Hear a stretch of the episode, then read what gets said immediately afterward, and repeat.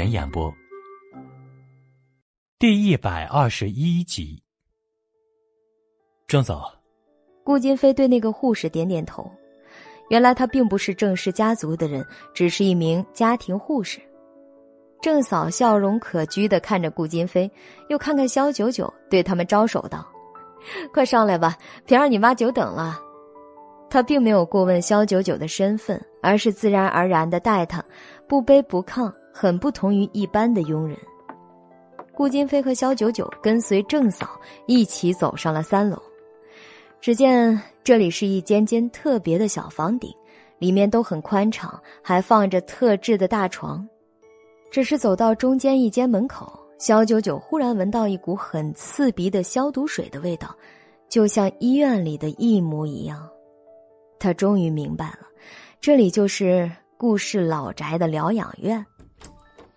走进那个房间里，床上躺着这里唯一的一名病人，浑身插满了各种管子，呼吸机也紧紧的带着，眼睛闭着一动不动，看上去就跟死人没什么区别。这里的医疗设备是整个顾氏家族花了重金从海外采购的最先进的。有些就连柳城本地最豪华的圣玛丽医院都不一定拥有。可是，即便是如此，耗费了巨大人力、物力和财力，也依然无法挽留住床上那名女人，如油尽灯枯般渐渐流失的生命。今天是你的生日，祝你生日快乐！郑嫂从床头柜上拿出了一个小罐子，里面装着许许多多的明信片。她从其中拿出一张来，递给了顾金飞。只见上面赫然印着幼年的顾金飞和一个女人的合照。那女人看上去英姿绰约，很是漂亮动人，正值青春的年纪，手里抱着一名眉眼和顾金飞一模一样的幼子，显然，她就是他的母亲。这和床上那名形同枯槁的女人形成了极其鲜明的对比。没有人能联想到他们竟是同一个人，而床上那名女人今年的年纪也不过才四十八岁。谢谢。顾金飞接过明信片，走到那张医疗床旁边。郑嫂见此情景，便点头道：“那你们慢慢聊，我先出去了。”顾金飞把明信片塞到母亲的手里，又紧紧的握着她的手，低头吻了她的额头。每年今天，你都会送我一张明信片。你怕我忘了你，可我从未忘过。顾金飞喃喃的说道，全神凝视着那个女人，眼里都是深情。肖九九在旁静静的看着这一切。原来，她就是顾金飞的母亲，顾氏家族的长媳。不到五十岁的年纪，竟病重如此，像个植物人一样躺在这昏暗不见天日的疗养院里，由一个侍奉多年的护士照顾着。因为怕秘密外泄，实际上等同于被囚禁了一样。作为顾氏家族最大的隐秘存在着，也是顾金飞心头难以割舍的疼痛。他最爱的母亲，竟如此没有尊严的躺在秘密私人疗养院里，暗不见天日，还被家族当作隐秘给隐瞒了起来。没有人知道，顾氏真正的长媳已经油尽灯枯，时日无多了。可以想象的是，等他真正去世那天，也终究会是悄悄安葬，绝不允许在媒体上公开。肖九九曾经秘密的查过顾金飞和顾氏家族的一些事儿，但并没有深挖，所以对他母亲的事情确实是知之甚少。今天亲眼看到了，他整个人都仿佛被死亡的阴影笼罩着，几乎人人看到都说是必死无疑。就在顾金飞深情与他母亲对视，用意念交流之时。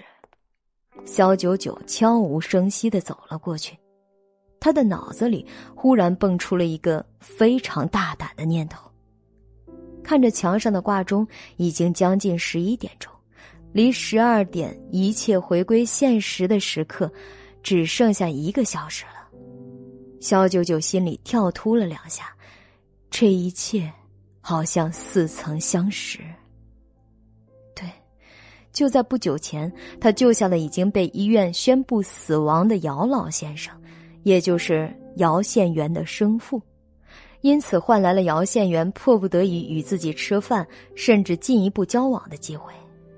而现在，与之相对应的，他想用顾金飞生母的生命，换来他自己的自由，离婚的自由。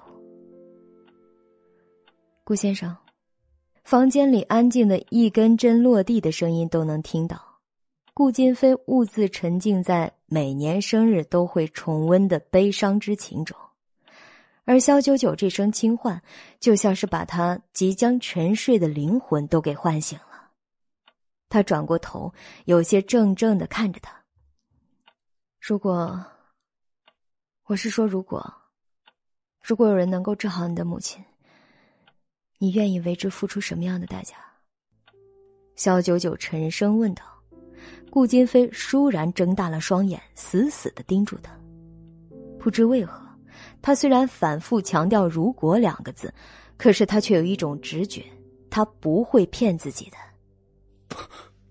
你认识人，可以治好他是吗？顾金飞快步上前，沉冷的面色一下子变得激动起来，甚至有些失控的抓住了他的胳膊。他带他过来，原本只是想让自己的母亲在活着的时候，看看他喜欢的女人是什么样子的。毕竟，这是他这辈子最大的心愿。而眼下肖九九的话，无疑是激起了他心中那莫名的渴望，给了他莫大的鼓舞。肖九九这具娇嫩的凡人之躯，被他用力过猛的掐到生疼，可是他却依旧好似什么都没有感觉到一般，不着痕迹的拂去了他的手，这才缓缓的说道。我的确认识一个世外高人，可以说，他所能达到的境界，这世上绝无仅有。只不过你的母亲确实情况特殊，我也不敢保证就一定能治得好。若是失败了，怕让顾先生你空欢喜一场。没关系，只要有一线生机，要我怎么做都可以。顾金飞闻言更加急切起来，肖九九很少能从他的脸上看出这种焦急和恳求，他确实是被触动了，但是这背后无可避免的要跟一桩交易联系上。肖九九等了又等，还有半个小时，顾金飞的生日才算正式结束。他不想这么残忍，落得一个在他生日当天亲手结束他梦想的罪名。你稍等一会儿，我现在需要用手机联络一下，看看他人现在何处。肖九九轻轻耸了耸肩，微笑道：“这样的饮食高人，一般都是神龙见首不见尾的，你懂的。”顾金飞没有任何犹豫的点头：“好，我等你。”一句话为肖九九争取了半个小时的时间，他便拿出手机忙活了好一会儿，直到眼睛看到挂钟迈过了十二点，他眸中的星辰才算是尘埃落定一般。正敢敢等领衔演播，喜马拉雅独家出品。第一百二十二集。顾先生，在那之前，我想和你做一件交易。听到肖九九忽然的话，顾金飞眉头不由得微蹙了一下，但随即他又释然了。他大概能想象得到是什么样的交易。九九，你不用说，我都知道。只要你愿意帮我请人，无论结果如何，十二点六亿的债都可以一并免除了。文杰斯派去调查的手下早就汇报过，少奶奶从负担了这笔天价债务以后，就开始无所不用其极的赚钱，其中就包括从一群飞车流氓手里救下了李家燕那次。不过，即便每次出手都要价不菲，但根据估算，他离十二点六亿的目标还相差很远。其实顾金飞根本就没打算真的让肖九九来偿还这笔巨款，他费尽心机安排这一切，不过是为了用这笔钱来绊住他的脚步而已。而接下来，肖九九所说的话，却让他半天都未能回过神儿来，甚至怀疑自己是不是听觉出了什么问题。不，顾先生。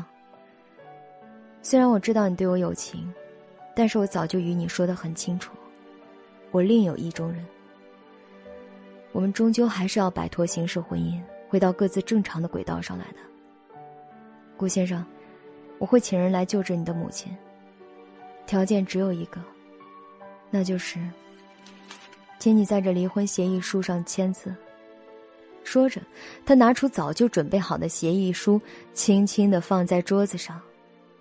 见顾金飞不说话，他舔了舔嘴唇，又说道：“至于那笔债，既然我们早就说好了，我也不会反悔的。一个月之期还有十天，十天之内我肯定会还给你。这和离婚是两码事儿。”怕顾金飞不答应，他又极尽诚恳的说道：“我知道，我这样做不太厚道，但是这是我最后的办法。”不然，顾先生似乎不太可能放我自由，你说呢？顾金飞心中一阵钝痛，他木然的抿了抿唇，却一个字也难说出来。今天晚上所有的一切，原来只是他的一厢情愿，而对他来说，只是一场类似同情的配合表演。唐诺还说什么，肖九九早就对自己有情，只不过是放长线钓大鱼，欲擒故纵罢了。他无所谓他的线放的有多长，只要他愿意钓，他这条鱼是可以自己咬钩的。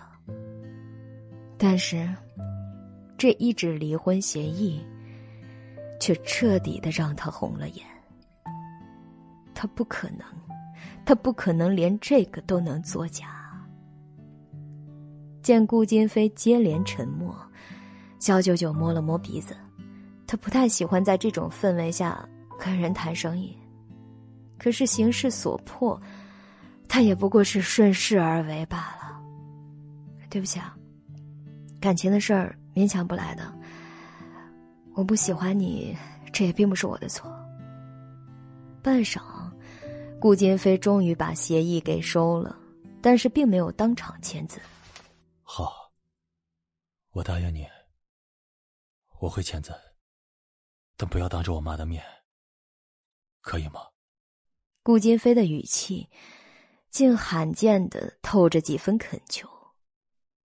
像他这样如此金贵的男人，在求而不得的爱情面前，竟也屈尊降贵的。像个可怜的小男孩面前的顾金飞，哪里还有半点顾家继承人、顾氏商业神话缔造者的半点影子？那个人人谈之色变的冷血煞星，这一刻竟差点让萧九九心软了。毕竟这前后的对比实在是太过强烈了。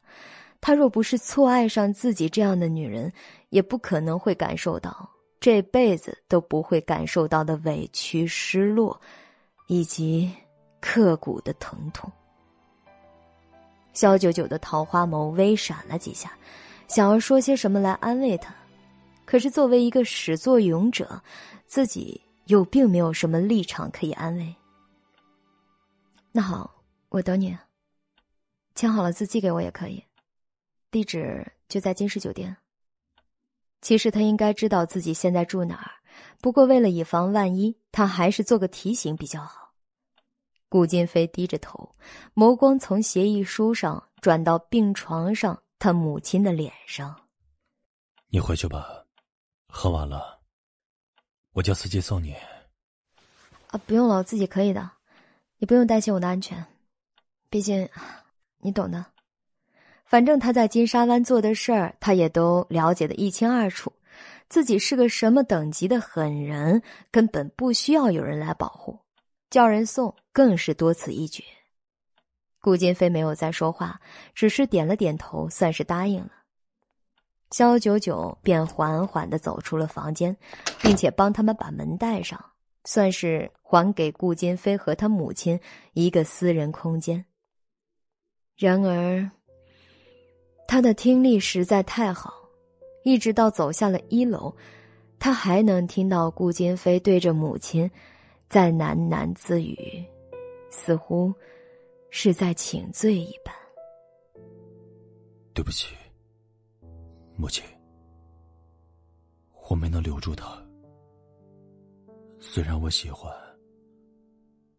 但他心里没有我，是儿子没有。我第一次遇到这种事情，真的不知道该怎么办才好。母亲，如果你能听到。请给我一点启示，我该怎么做？小九九的步伐越走越快，一直到走出了这栋疗养院。可是他的心情，并没有因此而变得轻松愉快。这很奇怪，这还是他第一次觉得捉摸不透自己的心思。怎么会对一个凡人产生这样的负罪感？明明这是一个很公平的买卖。不，甚至对顾金飞来说，这笔买卖他赚大发了。曾经有人倾尽万贯家财请他去为人治病，可是他都不为所动。而顾金飞付出的，不过是一段刚刚萌芽的感情罢了。迟早他还会有别的女人的，只要他愿意在人前摘下面具，让女人都意识到，传说中那个面目丑陋可憎的顾儿少。实际上，长相并不逊于任何明星。肖九九很快回到酒店，躺在床上，脑子里却是不由自主的想着顾金飞。在他走后，他像个无助的孩子一般，依靠在植物人的母亲身边。偌大的故事，却没有一个人来聆听他的心事。高高在上的顾金飞。实际上像个需要人疼爱的孩子。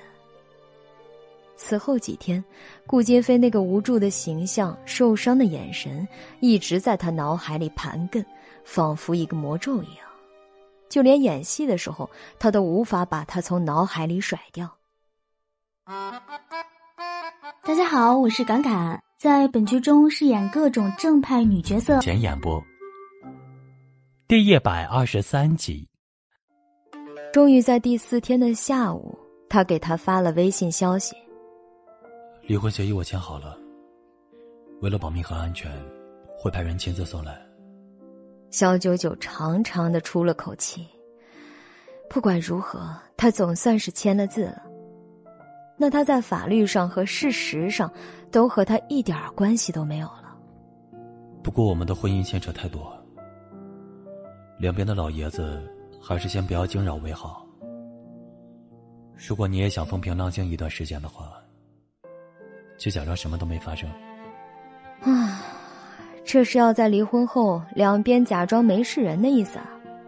肖九九表示理解，毕竟顾家家大业大，人家老爷子能首肯他们这桩婚姻，其中想必有颇深的渊源。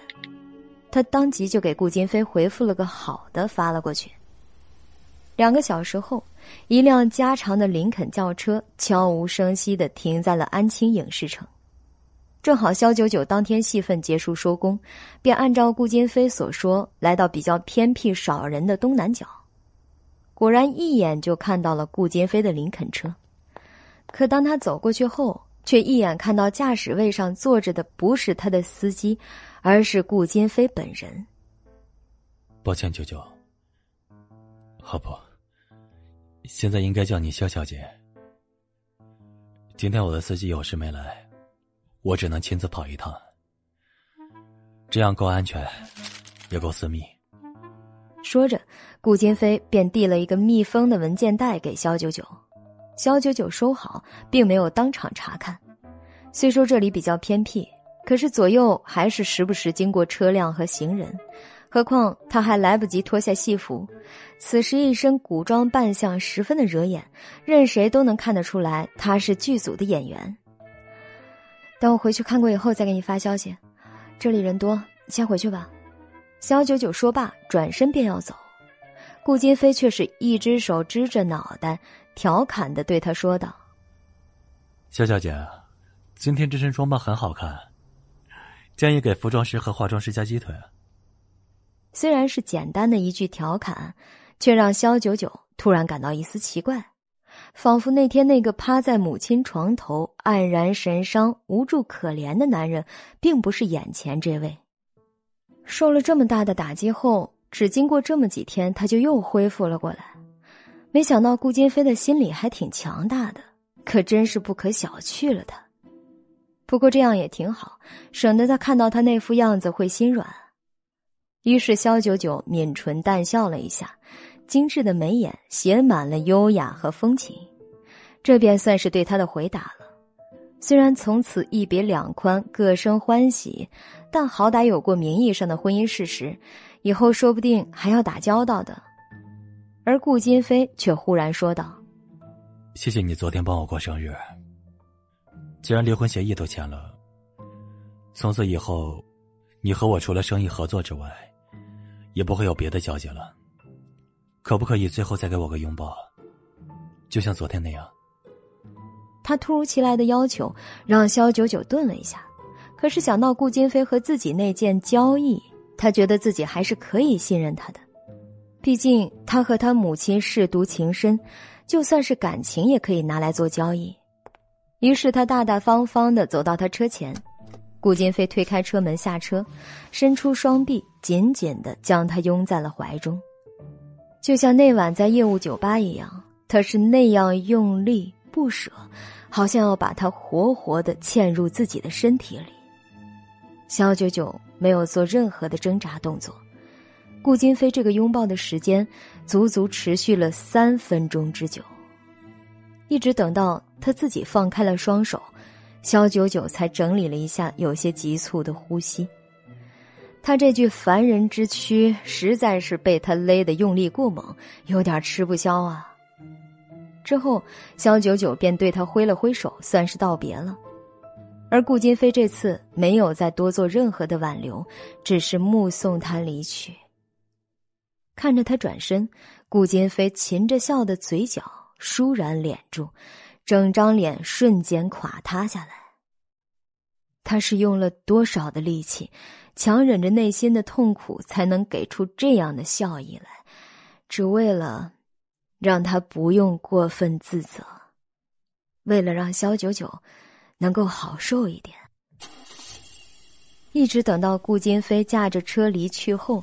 刚才他停的车位旁边，一辆白色的奥迪上车窗突然打开，一个人影探出头，左右张望了半天。萧晴晴把墨镜摘下，做梦都想不到自己竟然能在这儿碰到萧九九，还亲眼看到了他跟山文公司的顾总私下约见，两人依依惜别的样子，还真的是让他大开了眼界呀。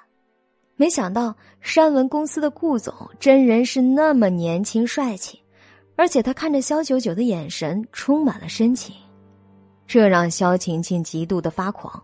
这样优秀的男人是多少女人的梦想啊，却偏偏瞎了眼看上了萧九九，他凭什么能够得到这种男人的垂青？不过还好，他刚看到萧九九走过来，就低着头藏了起来，完全没被发现。而且他还偷偷用手机拍下了他们约见的全过程。翻看着手机里刚刚拍下来的视频，肖晴晴忍不住冷笑：“哼，肖九九，你总算是露出了狐狸尾巴，你就是靠着顾总上位的，你这个狐狸精，看我怎么搞臭你，让你身败名裂，夹着尾巴滚出柳城！”肖晴晴姣好的面容上画着精致的妆，眼底却是让人不寒而栗的狠毒。这时，他的手机忽然响了起来，看到是柳如梅来电，他立即接通：“妈，我已经到了，你猜我刚刚看到谁了？”肖九九。柳如梅在电话那边震惊又愤怒。你看到他了？也对，他最近在安青拍戏，可是风光的很。那个小贱人，要不是他，你也不会到现在才把皮肤治好。哼，妈，他对我做的一切，我都会千百倍的讨回来。我刚才看到他跟山文的顾总私会，我还拍了视频，传给你看看。那可是有意思的很。柳如梅一怔，随即心头一阵狂喜。这真是苍天有眼，那个小贱人，终于有把柄落在我们手上了。妈，这就找你舅舅，他在这方面可是专业的，保证一晚上就让那个小贱人沦为万人唾骂的婊子。萧晴晴薄唇抿起，笑逐颜开。那就要好好的拜托舅舅了。说着，他轻点手机，把刚拍的视频给柳如梅发送了过去。当天晚上，肖九九就登顶了微博热搜榜首。肖九九拍戏私会神秘男，疑似被山文老总包养。第一百二十四集。这个话题很快在整个微博上就炸开了锅了，数百万的网友在看过视频以及精心编撰、添油加醋抹黑肖九九的那段文字以后，顿时发表了各种话题讨论。这肖九九刚洗白不久，就又爆出被包养。所谓苍蝇不叮无缝的蛋呢，他要是真的清白的话，怎么会接连上热搜呢？啊，而且都不是什么好事儿。本来我还以为他是无辜的，可是看这视频呢，他跟这个男人真是好亲密呀！查过，确实是山文的总裁，不知道对方有没有家室啊？还看上了肖九九，还包养他。讲道理，这个顾总妥妥的高富帅啊！肖九九也挺漂亮的，两人会不会是谈恋爱的关系？有人发出了疑问：为何一定要把人家想成那么不堪的关系呢？明明两人在一起，养眼又登对的。不能正常的谈个恋爱吗？但是这点质疑的声音很快就被大批的喷子口水吐了回去。正常的男女谈恋爱还需要偷偷摸摸？就肖九九这种十八线小明星，人顾总看得上。他除了皮囊好看点还有什么？顾总能拿他当个情妇就不错了。你没看到视频里那个顾总啊？先是给了他一个东西。然后才和他拥抱的吗？这摆明了是钱色交易。我敢赌五毛啊，这里面装的绝对是钱。网上掀起了一股滔天的浪潮，肖九九的微博一夜间涨粉一百二十多万，啊，当然都是黑粉。在他自己的微博下边，各种狂喷怒骂声，不用几个小时就把评论区都给淹没了。而且肖九九之前的往事也都被人一件件的翻了出来。曾经炒得热火朝天的薄一舟、萧晴晴三角关系，再一次被推上了公众的视野。可这一次，大批水军疯狂带节奏，致使粉丝和网友也被弄得晕头转向。很多人都跟着刷屏，认为之前萧晴晴栽赃陷害萧九九，并被爆出证据的事儿，其中会不会有更深层次的隐情？到了晚上十点左右，热搜上更是衍生出了一个惊悚眼球的话题：肖九九惊天骗术，把千万网友当猴耍。与此相对的，肖晴晴莫名其妙的博得了大批的同情，被认为他受到了某种邪恶力量的控制，不能为自己的名声讨个公道。而那个邪恶的力量，自然就是包养肖九九的顾金飞了。同一时间，肖九九也看到了微博上的内容，并且妙姐也亲自打了电话过来，慰问他。肖九九，你好不容易才洗白，事业刚有点起色，你怎么如此不珍惜自己的羽毛啊？你跟那个什么什么顾顾总到底怎么回事？两人都抱到一起了啊？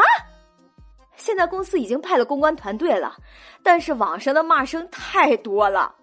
这次我真不知道你怎么能洗白了，妙姐痛心疾首，声泪俱下呀。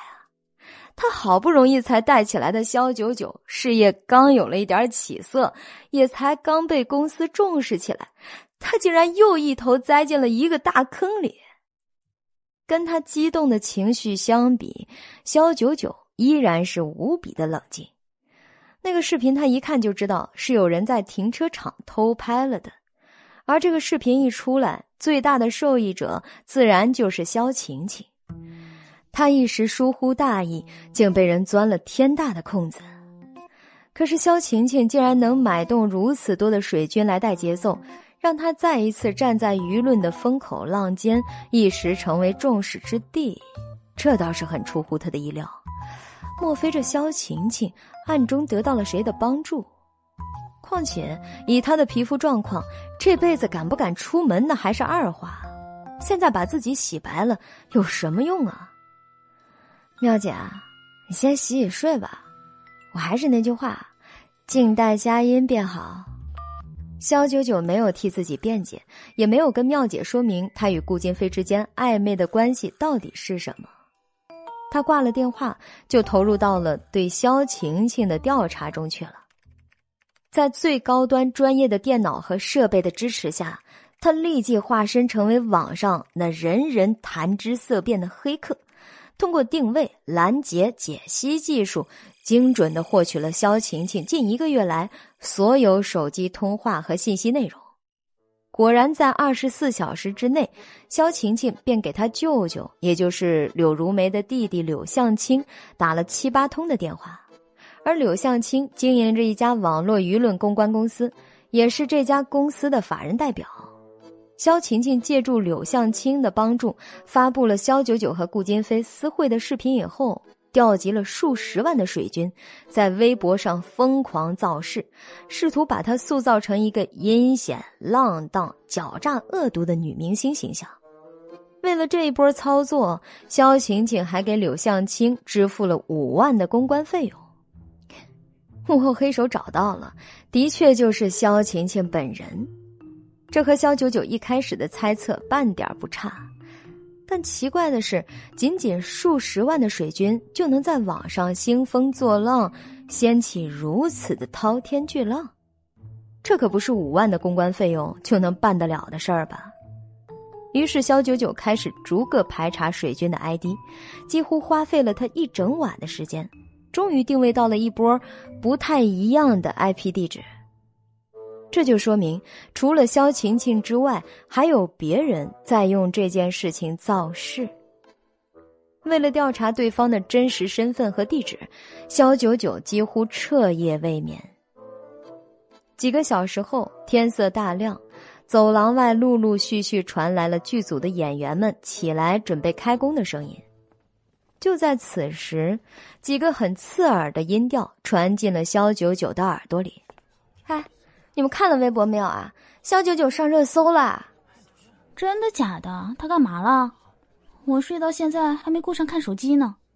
网上有人传来一段视频，是他和山文集团老总在停车场调情，可真是了不得呀！据说他被包养了好长时间了，怪不得他之前都糊成那样了，还能接到山文的广告代言啊！原来直接是在床上搞定了他们的总裁啊！几个演员你一言我一语，叽叽喳喳说个不停。这时，忽然有人低声的警示：“去，都小声点万一被肖九九听到了怎么办？”听到就听到了呗。你看他一个无名之辈，在剧组里面那么嚣张，还敢硬怼一针姐，我就是看不惯他这种人。现在终于真相大白了，搞了半天他真正的本事都在床上呢。那个演员不但没有收敛，反而还越来越得意张狂。肖九九一听便知，那是在剧中饰演女主宫雪香婢女的王可媛。她是个刚毕业没多久的新人，得了个丫鬟角色，进剧组后就狂舔韩艺珍，还处处针对和排挤肖九九。只是韩艺珍几次在肖九九面前也没捞到什么好处，所以他才会有所收敛。现在一见萧九九名声要臭，他就跟得了势的鹰犬一般，甚者于暖暖，由加菲不会飞领衔演播，后期制作陶幺幺。第一百二十五集。行了行了，一大早的叽叽喳喳的，跟麻雀一样，叫唤什么呀？都闭嘴，早点干活了。突然，韩义珍的经纪人出现在走廊里，大声的训斥着他们。几个人一听，立刻闭嘴，不敢多说一句了。肖九九听得真真切切，说是训斥，实际上都掩着嘴在暗中偷笑呢。他立即推了门出去。你们声音小一点，太吵了。王可元一见到肖九九，脸上立刻浮现出一抹讥诮的笑意。呀，这不是我们的热搜大明星吧？没想到咱们剧组还出了这么个人物啊！背靠大老板呐，以前还真的是没看出来，多有得罪啊！对王可媛的逼逼赖赖，肖九九全当没听见一样，纤长的手指伸进耳朵里转了几转。对不起啊，你刚才说什么？看 跟苍蝇嗡嗡似的，我没听清楚。我说你怎么了？还敢做不敢当了呀？现在都已经全网黑了，还在这装呢？今天过后还不知道你能不能在剧组住得下去了？你还以为自己做了什么光彩的事情呢？这脸皮也是真够厚的了。王可元气得直跳脚，索性直接翻了脸。他觉得肖九九现在反正名声都臭成这样了，还有什么好怕他的呀？Sorry 啊，是我的错啊。你不是嗡嗡的苍蝇，你是条护主的忠犬，一大早就在这吠呢。你放心吧。你若是护主有功呢，你主子肯定不会忘了你的好啊！肖九九轻蔑的勾唇，言外之意是指的谁？一群人只要没聋都能听得出来。这些天，王可元剧里剧外就跟韩艺珍的影子一样，屁颠儿屁颠儿的。作为一个新人，他也确实是够努力的了。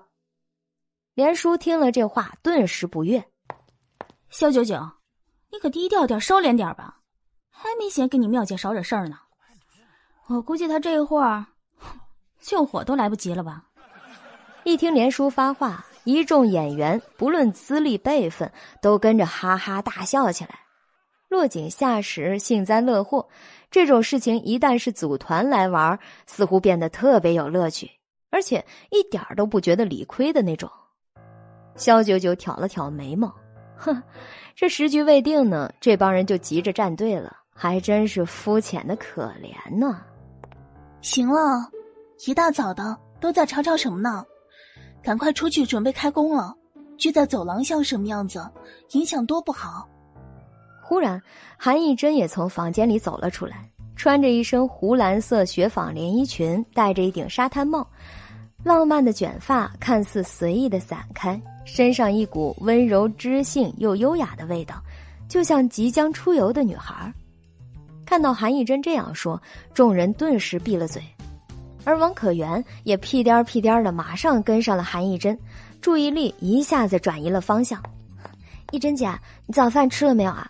我这里有早上现炖的那个雪梨银耳羹，你喝一点，甜甜的，一点都不腻，美容养颜，对皮肤很好的呢。韩艺珍说了什么，肖九九并没有去听。他直接朝房间的方向走去，想收拾一下，开始一天的工作了。而这时，一个高大的人影几乎是一闪而过的进了他的房间。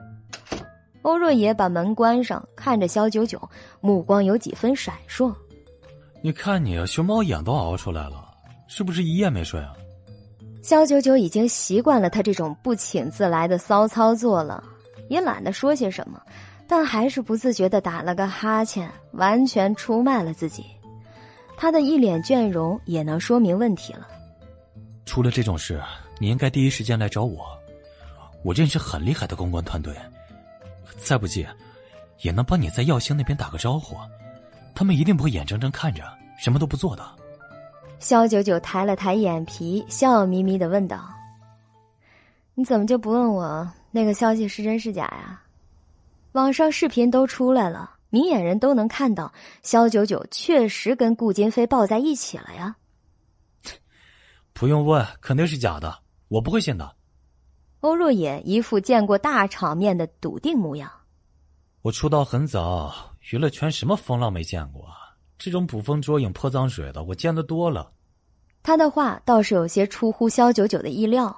虽然看上去好像是在炫耀自己的见多识广，但肖九九知道这是对自己有着莫大的信任，把他当成自家兄弟才会这样说的。不愧是双排上王者的好兄弟，有你这句话就足够了。肖九九踮起脚尖拍了拍欧若野的肩膀，欧若野差点被笑哭。这身高不够，还硬要装逼的操作，也真是把他给惊呆了。可是对肖九九的话，他总感觉哪里怪怪的，有点膈应。什么好兄弟啊！你别总是一副男人的语气好不好？虽然他们的确是双排排出来的感情，但是他并不希望肖九九只是把他当兄弟啊。而且他天生精致动人的脸庞，也没法让他当他是兄弟好吗？好的，下回注意。不过这次还是要谢谢你的。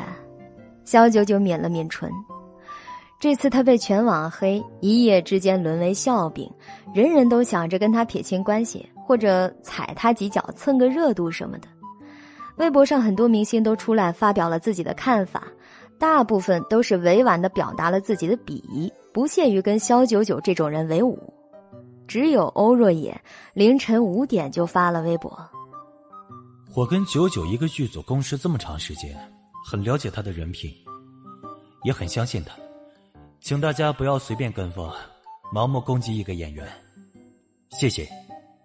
就因为欧若野这条逆势而行的微博，还给他招来了不少的黑子，骂他跟肖九九穿同一条裤子，是不是被肖九九睡过之类的。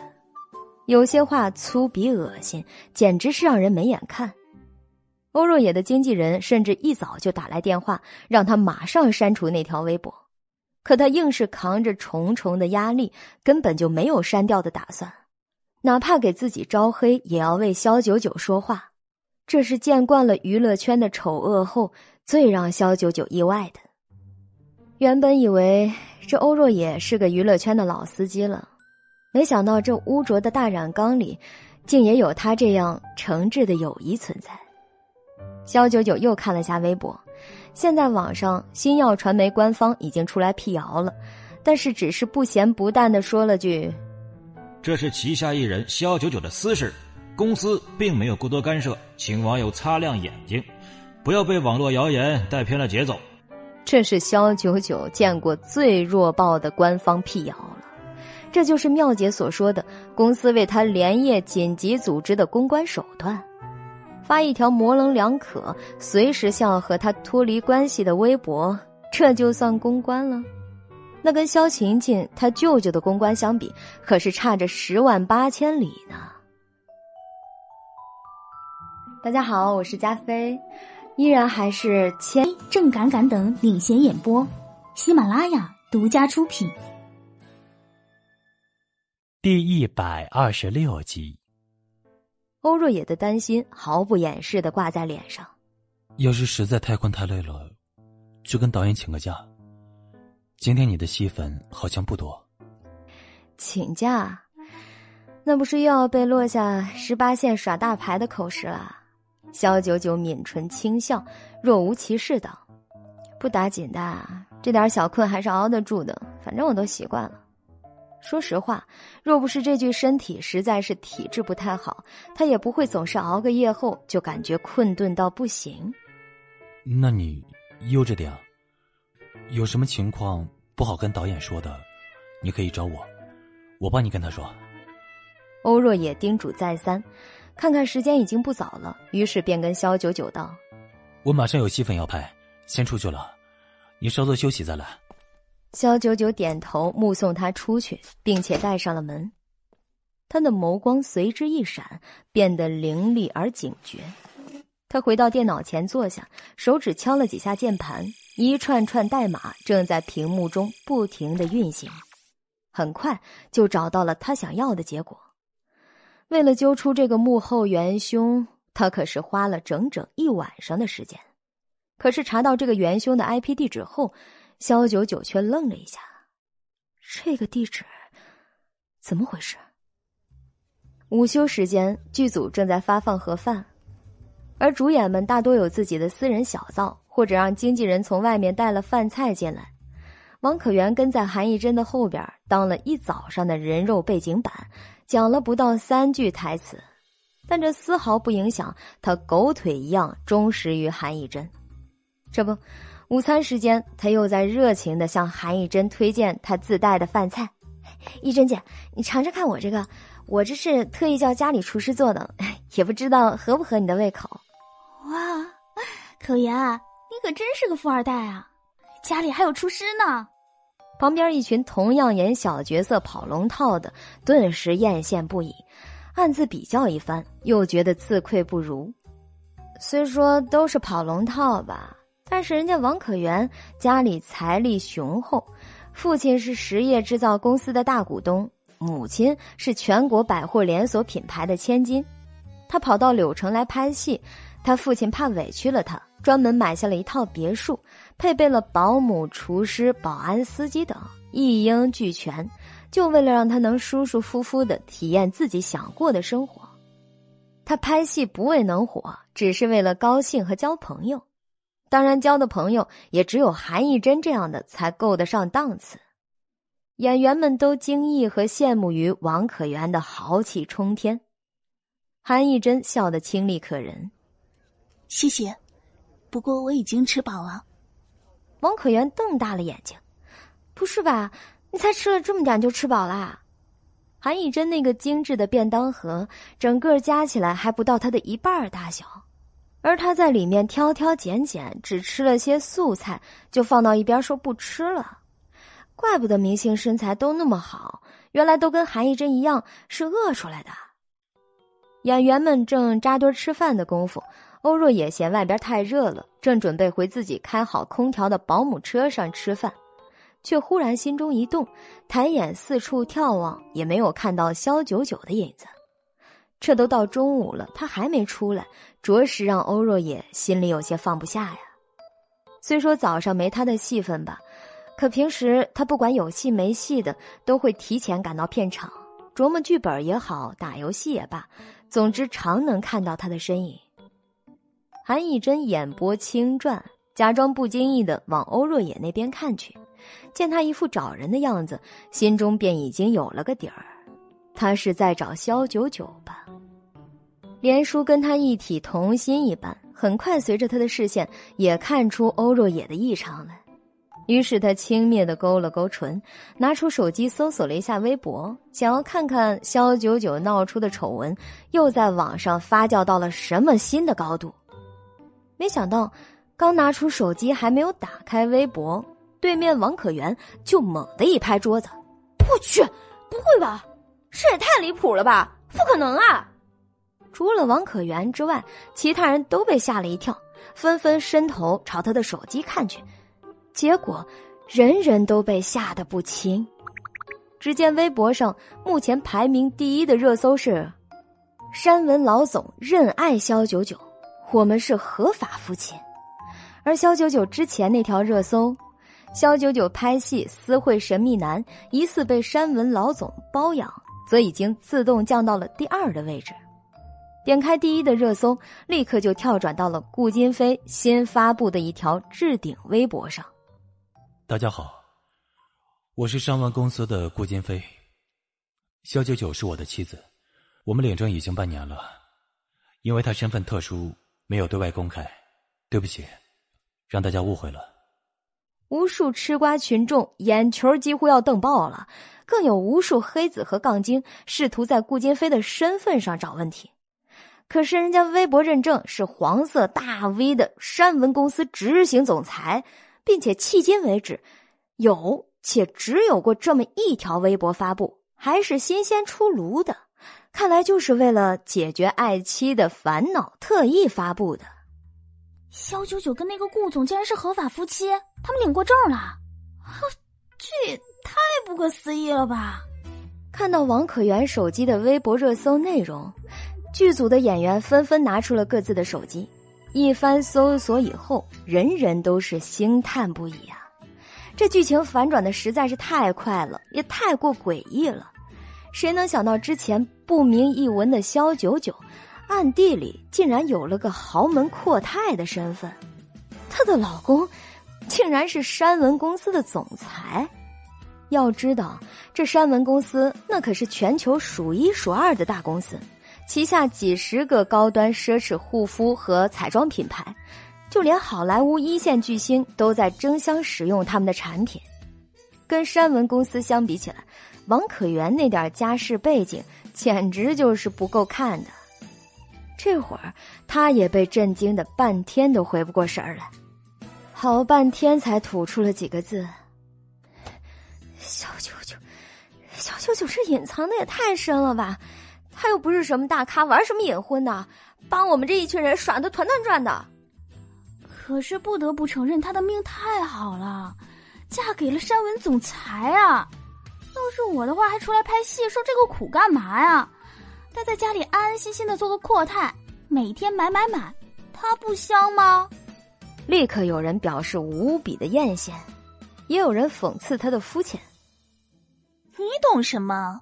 现在的女强人都是要有自己的事业的，光在豪门做个花瓶，终究只能沦为一个繁衍后代的工具而已。萧九九聪明着呢。什么叫沦为繁殖工具啊？立刻又有人对这话表示反对。你没看人家顾总从不发微博的？就专门为了维护肖九九的名声，才发了这么一条。这叫什么宠妻心切？这样好的老公，打着灯笼也难找啊！何况他还是个高富帅。大家好，我是敢敢，在本剧中饰演各种正派女角色。第一百二十七集。就是啊，之前肖九九不是代言了朵蕾系列吗？那个时候大家都纳闷怎么山文公司的人眼瞎了，竟然让一个小透明来代言？哎，现在看来，人家这是肥水不流外人田。我酸了，你们呢？嘤嘤嘤，算了。同在剧组的同事，平时那么低调，只会打游戏，没想到有一天竟然发现，人家是山文的老板娘。在演员们你一言我一语的表示对肖九九好命的感叹和羡慕时，韩艺珍慢慢品着这件事儿的始末，心里忽然慢慢的滋生出一种欢喜。哼，原来肖九九一直都是个有夫之妇啊！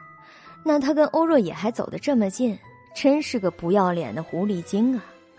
不过如此一来，欧若野应该就会对他死心了吧？毕竟人家老公都已经公布他们的关系了，欧若野再怎么喜欢他，感情也要被这铁一般无情的事实给冲没了吧。而这个时候，韩艺珍再抬头去找欧若野，却发现剧组早已经看不到他的人影。这个时候，欧若野已经上了自己的保姆车，把门关上，没人知道他在里面想着什么。酒店房间里，肖九九打开那本离婚协议书，看到最后一页右下角，上面黑色签字笔签着大大的“顾金飞”三个字。不知道的人还以为这本离婚协议书已经生效了，可是他在网上早就搜过了，顾金飞本人参加过的活动所留下的签名笔记，跟这个笔记完全不一致。也就是说，从法律的角度，这个签名根本不是他本人的，所以也就是无效的。肖九九意味深长的噙着笑，美眸在那签名上反复的流转，有意思。想他终日打雁，没想到有一天，竟被雁啄了眼。在这个世界上，敢暗戳戳在他眼皮子底下玩弄花招的。顾坚飞还是头一个。以前也曾有过他这样的，但基本都已经死了。不仅在签名上玩花招、拖延时间不说，还私自在微博上发布消息，公布了他们的婚姻事实。整个微博上现在都是对他们二人婚姻的讨论，热度居高不下。甚至顾金飞和他唯一的一张合照，也就是在结婚证上印着的那个，也都被万能的网友们给扒了出来。从此以后，他肖九九在娱乐圈就是人见人畏的山文老板娘了。他还真的是该感谢这个顾金飞。和顾金飞双双霸占热搜后的第十八个小时，肖九九的手机基本已经宣告瘫痪。星耀传媒的电话打来一个又一个，肖九九都懒得接听，只接了妙姐的一个电话。他在电话那头止不住激动的嚎叫：“九九啊，你他妈隐藏的也太深了吧！妈害老子心情跟坐了过山车一样的，差点都要被你整吐了。那个顾总，那顾总搞了半天是你老公？你说你们一家人在外面演戏，怎么就那么自然生动呢？啊，我竟然就一点都没看出来你们是夫妻！我操操操操操操操操了！”妙姐开始在记忆里搜寻，肖九九和顾金飞当着她的面有合作的那几次，他俩表现的都是很客客气气的，完全是正经的老板和客户的关系啊！亏他还是经济圈的一姐，竟然都没有擦亮自己的火眼金睛，把他们不同寻常的关系给看出来。公司现在高层紧急会议之后，已经帮你发布了新的公关消息。而且老总也亲自给你打过电话，你怎么不接呀？你这闹得多尴尬呀！妙姐一想到他们公司那个年近六旬还迟迟不退位，总是喜欢在公司里呼来喝去的老秃头老总，因为肖九九山文老板娘的身份公布，变得战战兢兢，还因为打不进肖九九的电话，专门把他叫去询问良策。如何才能让山文老板娘开心呢？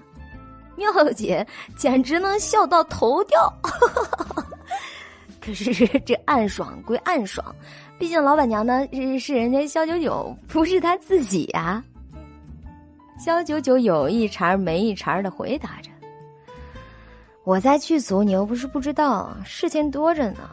何况闹出这么大一个事情来，当然许多人等着问候我。”让老板再等等吧，啊，这排队呢总是能等到的。嘿嘿社会我萧爷人狠话不多，该高调的时候高调，该打脸的时候那从不客气。之后还有一堆电话，诸如肖伟旺的、萧元的、任洪川的，还有忙于恋爱的钱无义的。肖九九该接的都接了，不想接的便略过。他把手机放在桌上。一边隔岸观火一样看着电脑微博热搜继续发酵，一边用手敲着桌子打出节拍。他在悄咪咪的等待着，等待着顾金飞什么时候会打电话过来，亲自解释一下这件惊天地泣鬼神的大事件。然而他还没有等来顾金飞的电话，却等来了唐诺的。唐诺在那头照例哭丧着脸儿，小心翼翼的在作死的边缘疯狂试探着。肖大姑奶奶，是我，顾二少让我跟您问一声，今晚方便见上一面不？对，他怕现在您正拍戏，没空接他电话，就让我代劳一下。啊，哎，你知道的，他本人也挺忙的，所以。唐诺自上次在业务酒吧给顾金飞和肖九九下药之事败露后，就一直活在生死边缘了。用顾金飞的话来说呢，就是把他的人头记在账上，以后再取他的狗命。所以肖九九的事情一出，他就主动给顾金飞请缨，但凡能帮上忙的，哪怕豁出去他这条狗命，也在所不惜。因此。顾金飞便给了他一个当传话筒的机会，他只希望肖九九打他的时候下手不要太重了，耳光呢也不要太响，如此便满足了。姓顾的做缩头乌龟，让你一个小鬼打前锋，他真够可以的。肖九九戏谑的勾唇，那头唐诺虎躯一震。我操！这个世界上竟然有人敢骂顾二少是缩头乌龟！如果换了别人，早就死了不知道多少次了，现在已经够投胎好几十遍的了吧？可是如果是肖九九的话，他只能默默的说：“这妹子是顾二少的克星，命中注定，上帝亲自捆绑的那种。”大家好，我是公元之前啊。为了方便记忆，你们这于暖暖由加菲不会飞领衔演播，后期制作陶幺幺。第一百二十八集。于是他讪笑着，小心翼翼的说道：“ 这个嘛，话也不能这么说。顾二少他确实有点忙，日理万机嘛，还希望您能理解。”肖九九冷笑一声：“好，那我就给他一个机会。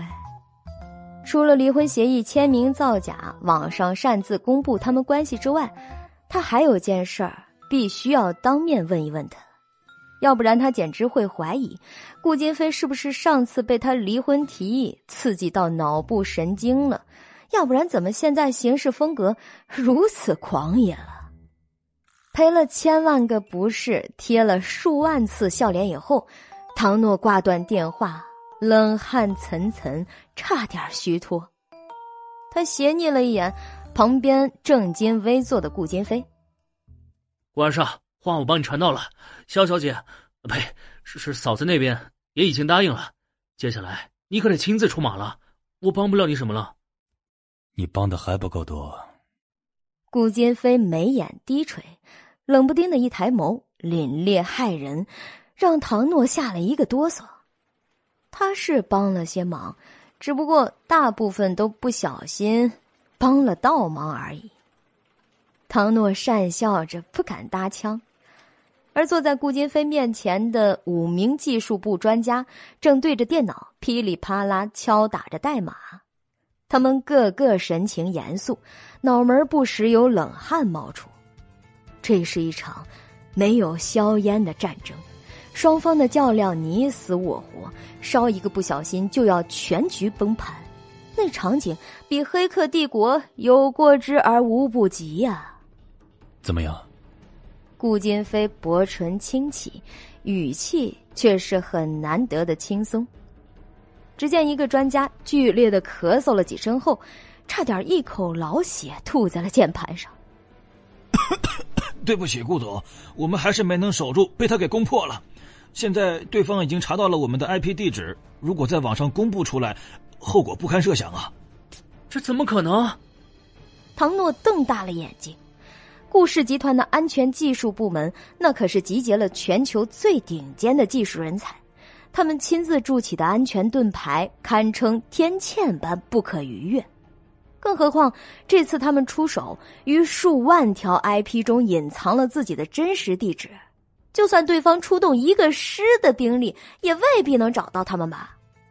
我猜想，对方应该是人数众多，不然不可能在一夜之间就攻破了我们的防线呢。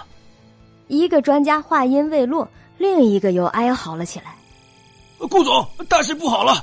对方已经入侵了我们的数据库，并且窃取了里面所有的机密文件。”他刚说完，五官都因恐惧而扭曲了起来。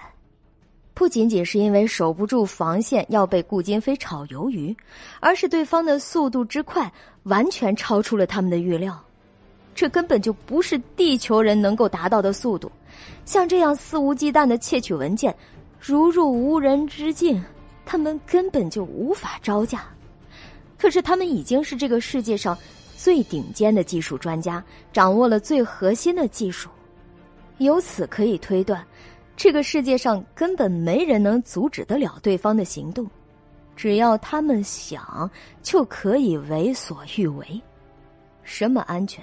什么防御，什么隐私，什么机密，在对方眼里根本就是如同虚无。这下顾金飞坐不住了，亲自跑到电脑边亲自看着屏幕上不停的闪烁、几乎濒临崩溃的电脑，一双黑曜石般的眸子闪烁着万年难得一见的惊诧光芒。要怎么才能阻止他们？如果你们不行，还能抢到别人吗？不管花多少钱，我要对方马上停下来。他们已经把全部文件都窃取走了，现在就算是大罗神仙也很难救场了。唯一的可能就是对方忽然大发慈悲，把数据还给我们。五名顶级专家此刻全部如丧考妣，他们一致的怀疑起了人生。这可怎么行？这都是顾氏集团的机密啊！被他们拿到了，那顾氏以后还怎么在商界生存下去啊？唐诺细思极恐，越想越是一身冷汗。别看顾氏集团在全球范围都权势滔天，可是，一旦核心机密被窃取了，就如同把柄被人拿捏在了手里。偌大的大厦想要倾覆，也不过就在对方的一念之间。顾金飞惊异过后，便是出奇的冷静。马上联系他们，不管对方开价多少，一律满足，只要能买回这些数据。一众专家擦了擦额头的冷汗，我们试试看。这会儿，唐诺的脑子忽然有灵光了，他越琢磨越感觉到奇怪。我们把肖九九视频弄上热搜，是为了方便顾少认爱。可是这群人跟我们什么仇什么怨？要在万千条 IP 中，不惜一切代价找到我们，甚至入侵了整个故事的数据库。对方该不会是暗恋肖九九的粉丝，而且是一大群吧？像这种绝无仅有的高手，按道理根本就不谙世事才对，哪有毫无道理就循着蛛丝马迹对顾氏集团的数据大肆屠杀的？顾金飞危险的眯起了眼睛，没人能看得清楚，他那双眸子底下暗藏的究竟是什么样的情绪。其实，在很早以前。肖九九第一次上热搜，被肖晴晴等人泼脏水的时候，就有高手躲在网络背后，以技术力证了肖九九的清白，也成功的让甚嚣尘上的网络喷子闭了嘴。那次他就请了技术部的专家去查过，可是对方的 IP 隐藏极深，他们根本连门边都摸不到。这次和之前的根本就是同一个人，或者同一群人。没想到，他的老婆魅力竟然有这么大，连足不出户的黑客大神也为他所倾倒，心甘情愿的为他赴汤蹈火，不计一切代价和后果。不管他们是什么人，有多少，总之这件事情必须压下去。顾氏集团不能败给任何人。万一他们只是为了给小九九出气，根本就不在乎金钱，怎么办？唐诺撇了撇嘴道。一般电视剧和电影里描写的顶尖黑客大神，不都是那样的吗？不谙世事，淡泊名利，但只要出手，非死即伤。就像《天龙八部》里的扫地僧一样，平时看着默默无闻的，实际整个天下都是无人能及的。这样的高手，那怎么可能会为金钱所诱惑呢？顾金飞听罢，按了按太阳穴。先联系上对方再说。只要他们有目的，就应该能用金钱摆平。大家好，我是加菲，依然还是第一百二十九集。令人意外的是，在一众专家数个小时的努力后，还真的联系上了对方。他们用系统语言聊上了天儿。任何人只要对肖九九下手，必死无疑。今天窃走顾氏的数据只是个警告，再有下次，我将把这些数据直接发布到网上。顾金飞、唐诺还有五名专家齐聚在电脑前，看着对方发来的信息。按照顾金飞的意思，专家迅速的抓住机会回复道：“对不起，我们的目的并不是杀害肖九九。”只是为了更好的保护他，请大神不要误会。我说了，不管什么动机，不可动萧九九任何心思。对方大神似乎是怒了呀，专家也跟着吓得一哆嗦，眼巴巴的看了一眼顾金飞。顾金飞便点头，授意他们又回复道：“对不起，是我们考虑不周了，不知道这些数据在您手上可以买回来不？我们愿意出最高价。”你们认为这些机密值多少就出多少，我只给你们一次机会，如果毫无诚意，就别怪我不客气，你们将永远都拿不回来了。唐诺顿时黑人问号脸：“这说好的扫地僧，说好的淡淡泊名利呢？”说了半天，这世界上果然还是钱能通神呢。只要给够价，啥都好谈。果然，大神的脾气就是难以琢磨的。专家们不敢怠慢，连忙问顾金飞：“在这个节骨眼上，按道理这种事情必须要组织高层会议商议决定。可是顾金飞怕对方一生气，他们便永远失去了这个赎买的机会。他便冷着脸道：‘五十亿，已经是足够的诚意了。超出这个数字范围，全集团高层都不会同意的，董事们也会唧唧歪歪，宁可把公司给卖了。’”专家如实的把价格报上，这个价格就连我们最大的竞争对手也不可能拿得出来啊！对方没有迟疑太久，便道：“下午六点之前把钱打到我的比特币账上。”跟着后边就是一长串的账户号码，对方似乎早有准备。顾金飞顿时松了口气，只要是能用钱解决的，那都不叫事儿，就怕有的事儿连钱都解决不了。于是他没有任何的犹豫，验证过对方手里的机密文件真实存在以后，便叫人立即汇了五十亿过去。对方收到钱倒也是不墨迹，马上就把全部数据库资料和机密文件都打包发送了过来。一度陷入瘫痪的顾氏集团网络系统，很快又恢复了正常的运行。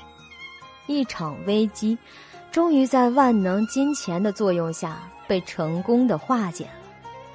顾金飞还没有来得及休息上片刻，看看时间，差不多到了跟肖九九约定好的时候了。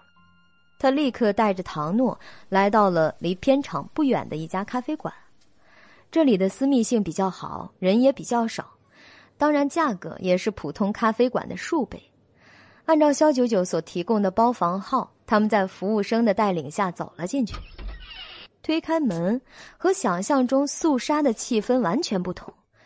包房里，肖九九边喝咖啡边玩着《荣耀世界》，这会儿上分正到紧张关键的时刻。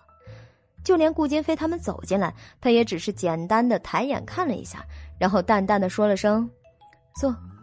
唐诺嘴角不由得微抽了几下。谁能想象，他刚陪着顾少经历了怎样一场殊死的搏斗？顾氏集团差点就没了呀，那叫一个惊心动魄。可是，身为少奶奶的肖九九，不仅毫不知情，甚至在这里一个人玩的欢快无比，而且还让分分钟上亿元大买卖的顾二少坐在这里等着他打游戏。空气里一时尴尬无比。唐诺小心的看着自己的脚丫子，他不敢看顾金飞的脸色，因为他能想象得出，被人晾在一边的顾二少。脸色该是写满了怎样的血雨腥风？过来呀，你们辅助跟上，跟上！等我一声令下，就打对面的射手。对面在偷龙，你们两个先去干扰一番，等我赶到再动手。但是热闹的游戏声，还有肖九九不时通过语音对着队友云指挥的声音，此起彼伏，不绝于耳。更过分的是。肖九九不仅玩嗨了，而且在这把游戏结束以后，队友问还要不要再来一把的时候，肖九九竟然说了一声“好”，因为他开的是扬声器，所有对话都尽收耳底。唐诺被吓得毛骨悚然，这是公然要给顾二少难堪呐！明明一把打好了，他们都已经来了，坐在这里大眼瞪小眼半天了。可肖九九又当着他们的面开始了新一局的游戏，是他太忘我，还是太嚣张了？膨胀的以为堂堂的顾二少拔不动刀了，是不是？那个肖小姐，你看那个游戏的事能不能先停一停？我们顾二少特地撇下工作跑来这里跟你面谈，可不是为了看你打游戏的。我记得顾先生的特助叫文杰斯来着，什么时候换成你了？不仅没人家长得帅，也没人家会说话，差评。肖九九头也不抬的继续打着游戏，双手在屏幕上一顿操作，立刻秒杀了对面的一个脆皮。超神，游戏系统语言传来由衷的赞叹。唐诺差点被自己的口水呛死，他愤慨的看了看咖啡杯光滑的杯面上自己那张帅绝人寰的脸庞。他还没闻杰斯帅，怎么可能呢？那厮有他泡的妞多吗？唐诺很想翻个白眼儿，可是他不敢。肖小姐说什么就是什么，不过这游戏，咱能先暂停一下吗？你以为是你玩连连看呢？说停就停啊！肖九九鄙夷的抬了一下眼睛，哼，唐诺被气得差点当场掀桌啊！这是在侮辱谁呢？这是，好歹他也是拥有一间先进游戏室的人呐。而顾金飞却在此时，不动声色的抿了一口咖啡，淡定如斯的拿出了手机，开始查看邮件。唐诺一度怀疑。下一秒，他就要拿出电脑当场办公了。这么一看，这两个人还真的是绝配呀！无论是什么场合、什么时间，一个忘我的打游戏，另一个则是忘我的工作，各行其道，互不惊扰。唐诺都能想象，以后他们的生活该是多么的和谐。肖九九一直打了好久。直到服务生过来提醒他们是否要点点新的咖啡或者点晚餐，肖九九这才如梦初醒般的前演播。第一百三十集，顾先生，我本以为这是私人见面，没想到你还带了个临时助理过来。既然如此，有些话不方便当众说，还是下次吧。肖九九说罢，立刻起身，眼都不眨一下，视顾金飞和唐诺如无物一般，就往外边走去。唐诺整个人都被吓傻了，姑奶奶这是什么骚操作呀？惹毛了顾二少不打紧，可别将他也给连累了呀！他的项上人头只是暂时的寄放在自己脖子上的呀，这跟租的是没有任何区别的。不要闹了，好不好？这归属权现在在人家顾金飞顾爷那儿。唐诺几乎是连滚带爬的扑上去，拼命的拉住萧九九，哀求道：“别，萧小姐，我只是顺路送顾二少进来的。你要是嫌我碍事，我马上就走。不。”我马上就滚！唐诺这辈子还从未在哪个女人面前如此的尊严扫地，但是这又如何呀？总比人头落地来的强多了吧？何况次数多了，他也逐渐麻木了。只要能稳住萧九九这尊大佛，付出什么样的代价也是愿意的呀。见唐诺要出去，顾金飞这才开口道。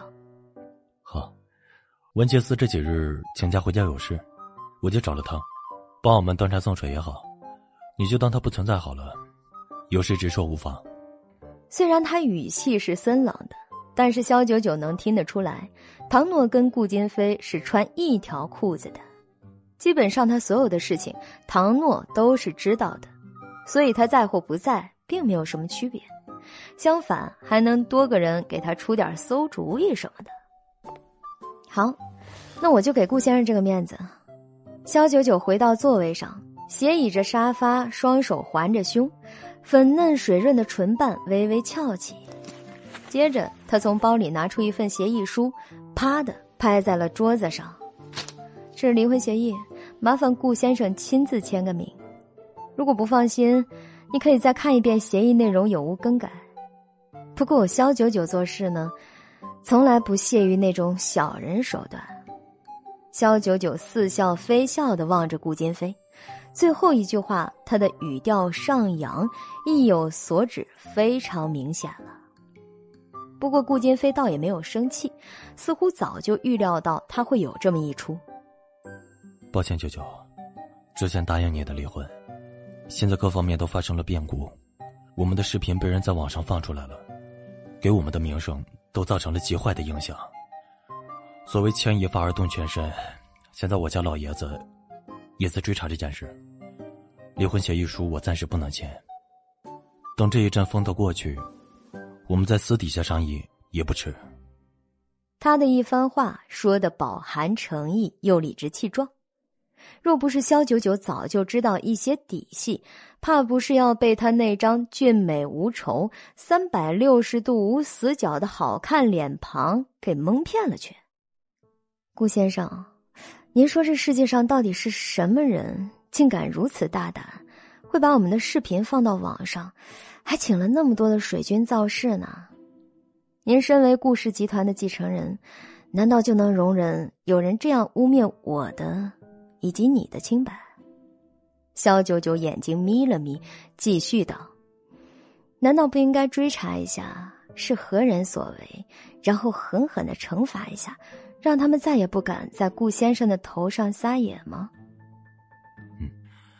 这件事情我也想到了，我已经找了人去查到了，视频的来源是手机拍摄，我们的技术人员已经锁定了对方的 IP 地址，基本可以确定。是一家叫易欢的公关公司所为的，而这个公司的法人，就是你的继妹萧晴晴的舅舅柳向清。顾金飞准备充分，不慌不忙的叫唐诺从公文包里拿出了一份调查报告，上面各种专业数据，充分的证明了调查结果确凿无疑。这个萧晴晴也实在太坏了。天底下竟有这种坏女人！你放心，我们顾二少一定会替你出头的。唐诺在旁添油加醋，把萧晴晴描述成了一个令人发指的毒妇。虽然事实上她的确不是什么省油的灯，可萧九九自始至终的都好整以暇的看着唐诺跟顾金飞一唱一和。可巧了。我这儿也有一份调查报告，不知道是谁发到我邮箱里来的。顾先生，您看看。肖九九说着，便拿出另外一份文件，明显比顾金飞那份更加厚重，拍在桌上，也是让唐诺都跟着震了一下。顾金飞眉头低垂，扫了一下报告后，心也跟着沉了下去。那上面已经明明白白的写清楚。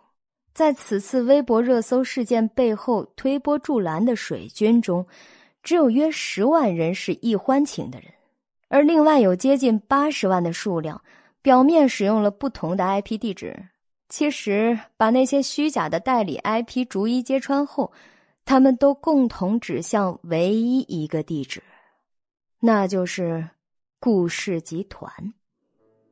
看到这个调查报告的结果，唐诺表情。瞬间皲裂了，谁能想到那帮黑客竟然拿了钱，转手就把情报发给了肖九九？我操！这帮孙子拿了钱过河拆桥，不办人事啊！顾金飞狠狠的瞪了他一眼，唐诺脸都吓得惨白，马上捂住了自己的嘴。可惜为时已晚了，肖九九敏锐的看到了他们之间微妙的小动作。也听到了他所说的话，这一切其实就等于他们已经不打自招了。他一整晚的忙碌，结果是不会有错的。顾金飞的确就是这次热搜事件背后最大的主谋。肖晴晴，他的确想抹黑自己，可惜他还没有那么大的本事，能让热搜发酵到巨型程度，成为全民皆知的话题的罪魁祸首。直指顾金飞本人，哼，好一个自导自演呐！空气莫名的沉默了，连一向不动如山、以沉稳持重著名的顾金飞，一时也不知该如何开枪。从小到大，他从未想过有一天会被一个女人逼到死角里，无处遁形。顾先生。不知道你还有什么话要说？肖九九目光直直的看向顾金飞，如今他丝毫也不需要避讳了。那审判一样的目光，在唐诺看来简直恐怖的如同死亡射线一般。普天之下呀，还有谁敢用这样的眼神往顾二少身上招呼？唐诺想挖个洞。唐诺的大脑在高速的运转，想着一切可能的回环办法。而下一秒，顾金飞已经沉沉的出声了：“对不起，的确是我派人做的，我向你道歉。”唐诺的脸彻底碎了，五官基本变形到无法重组的那种。嘎！他觉得自己窒息的只差当场离开这个美丽的世界了。正敢敢等领衔演播，喜马拉雅独家出品。第一百三十一集，唐诺的脸彻底碎了，五官基本变形到无法重组的那种。嘎！他觉得自己窒息的只差当场离开这个美丽的世界了。他竟然承认了，顾二少竟然直接就承认了。肖九九不过是一个眼神过去，就逼得他直接认错道歉。这女人真的是恐怖如斯啊！搁在过去进监狱里，哪个囚犯能架得住他的刑讯逼供啊？可是接下来，顾二少的一句话，唐诺便知道自己想错了。顾金飞并不是因为害怕才道歉的。老板，你所说的话，让我想了好久。虽然我承认，我们之间的确还有很大一段距离要走，但是，让我现在就失去你，我做不到。顾金飞也没有避开萧九九的目光，而是与他直接四目相对。生日那天是我想太多，以为你对我有些好感。不过你说到离婚，我就清醒了。萧九九，我想过了，你对我没有感情，这并不重要。只要你现在是我结婚证上的合法妻子，我有信心，在不久的将来。让你心甘情愿的成为我孩子的母亲。只不过，我希望你不要躲，不要一直把我推开。只要你试着和我接触，兴许你会把对我的成见全部抛开。答应我，不要逃避，不要拒绝我对你的好，好吗？汤诺哑然。惊愕，他这辈子还从没见过顾金飞能滔滔不绝的对一个女人说出大段的情意绵绵的告白来，而且情真意切，让他这个情场浪子都被深深的感动了。肖九九的胸口没来由的忽然滞了一下。他曾经直截了当的拒绝了这个男人数次。每一次，他的目光就像个受伤的孩子，让他不忍面对。可不管他如何残忍拒绝和打击，下一次他永远能面带着微笑，真诚的请求他不要将他推开。而这一次，肖九九兴许真的被他直中要害，他动摇，并非是对他有情，而是他再如何铁石心肠。终究是个修为不浅的上仙，精神伤害何止不是一种伤害啊！顾金飞又没有谋财害命的，自己继续这样待他，真的好吗？萧九九摇头。罢了罢了，我不推开你。但若有一天你累了，便自行离开吧。他相信。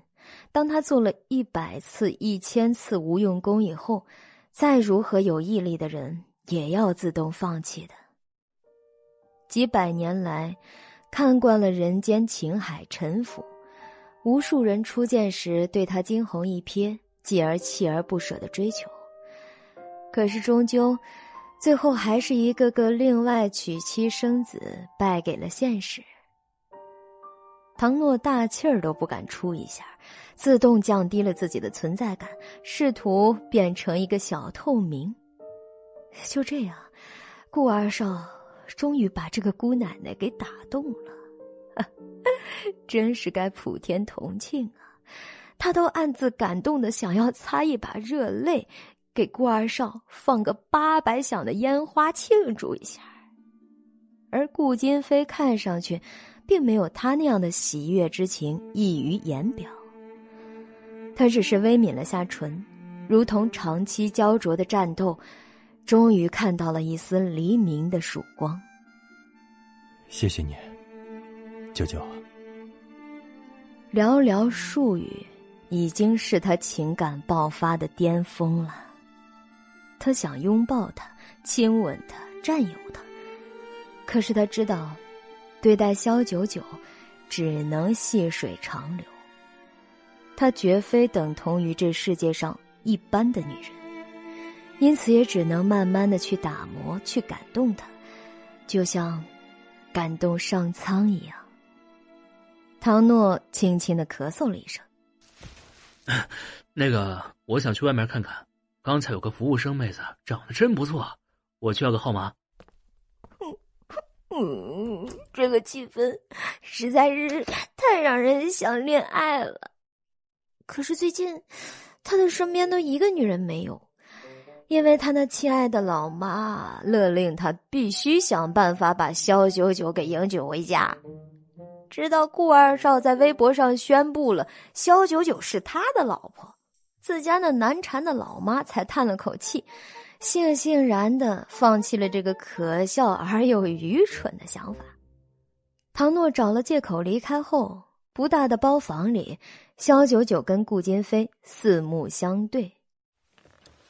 九九，关于你说的那个有希望帮我母亲治病的世外高人，顾金飞其实有些担心，若是自己擅自行动，让萧九九一怒之下取消了跟那位高人的联系，那自己岂不是变成了一个不忠不孝、不仁不义之辈？你放心吧。人我联系上了，不过他常年游山玩水的，需要一个星期才能回得来。到时候我自然会帮你安排的。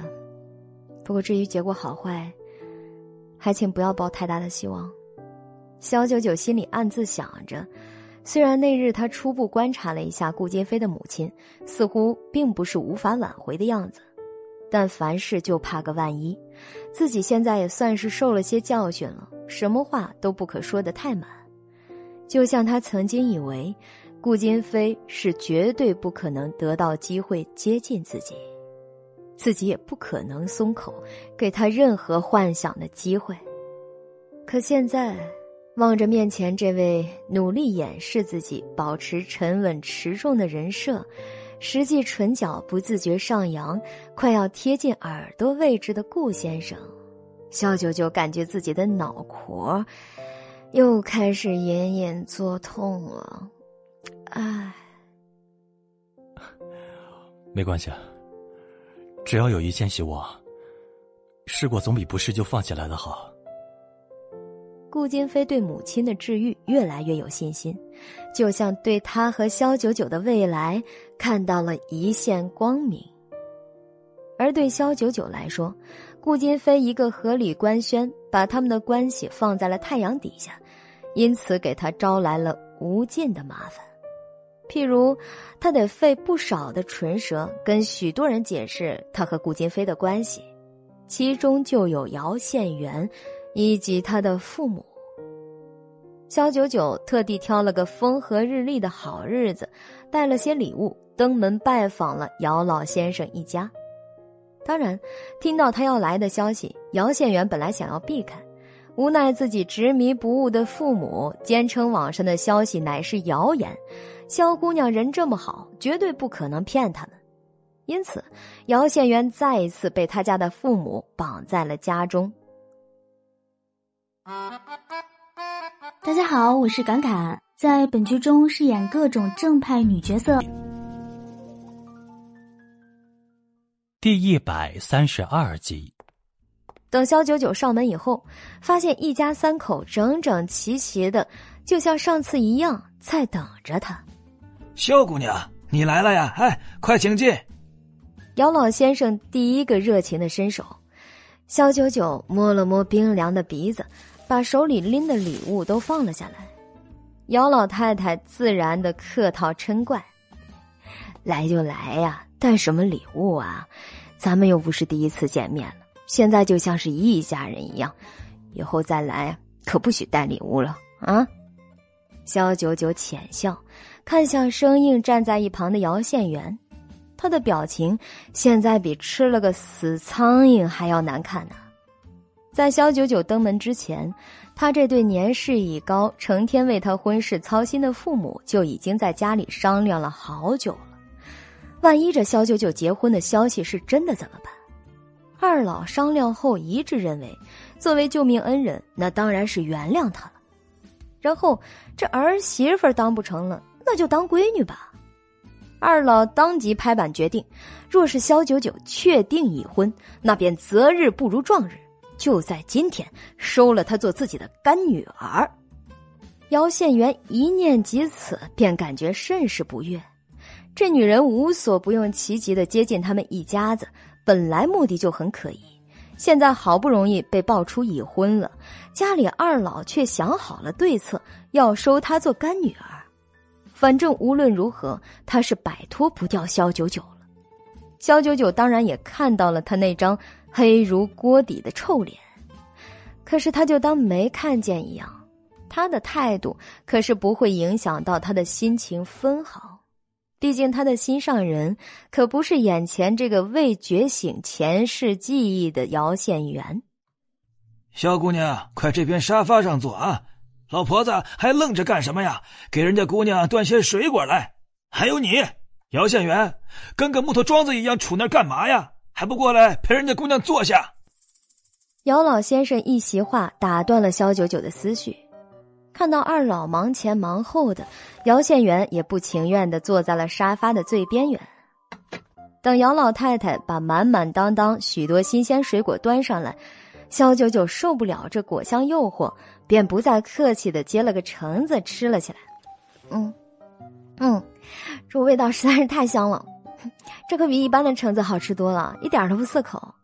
肖九九伸出了大拇指，见他吃的开心，姚老太太就像喝了糖水一样，心里美滋滋的。看着肖九九的表情，那别提有多宠溺了。这呀，是你阿姨在前院自己开辟了一块地方，种了些水果，这些都是刚刚现摘的绿色无公害水果，那味道啊！别的地方啊，你轻易可吃不到啊！姚老先生也笑眯眯的看着肖九九，看着看着，这越看越是稀罕呐！这么好的闺女，不管怎么样都要属于他们姚家不可。看着肖九九完全不见外的吃着水果，喝着饮料，还跟二老自然而然的唠着家常，谈天说地的，姚县元淬着寒冰般的幽深双眸。微不可察的闪了闪。过了一会儿，姚老先生果然把话题引向了微博上。呃，肖姑娘，那个老头子，我有一件事情想问，又怕惹姑娘你生气呀。姚老先生还在酝酿着后面的措辞，肖九九却把吃剩的橙子皮扔进了垃圾桶里，笑眯眯的摆手：“ 不生气，不生气。”您拿这么好的水果招待我，我感谢还都来不及呢。有什么话想问的，直说无妨。姚老先生的目光和姚老太太心有灵犀般的碰撞到了一起。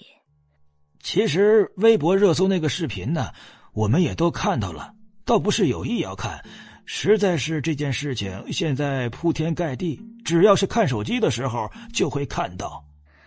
肖九九心里早就有了底儿了。他和顾金飞的夫妻关系官宣以后，网上铺天盖地一样席卷到各个角落，微信群、朋友圈、企鹅号，还有各个网络社区上都在议论纷纷。姚家二老知道也不足为奇，不过姚老先生还是欲言又止的没问出口，倒是姚老太太接茬把那句疑惑给问了出来：“，肖姑娘，你，呃，真的跟那个？”什么顾总结婚了吗？肖九九放下手里的橙子，抬眼灿然一笑。不瞒您二位，结婚的消息属实。不过这身在娱乐圈里面，有很多事情是身不由己的。这婚事由不得自己做主，所以并非是我有意隐瞒的，实在是 情非得已，还请您二位勿怪。姚老先生半张着嘴巴，跟老太太面面相觑，琢磨了半天，才问道：“那你的意思是，这婚事并不是你自愿的，你是被父母包办婚姻？这都什么年代了，还有这种封建落后的事情发生？”肖九九轻轻的点了点头，本来这就是个事实，他也没说假话呀。他和顾金飞的婚事可不就是被双方老爷子给指定包办的吗？从头到尾，别说他了，就是原主也都是一脸懵逼的呀。不过这件事情牵扯甚多，呃，我把您二位当做自家的父母一般，才会毫不保留的实话实说的。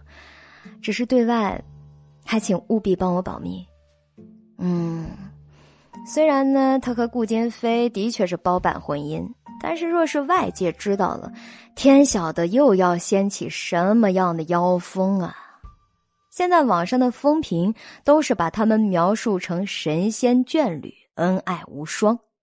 顾金飞一夜间成为柳城少女们心中最佳的理想型老公。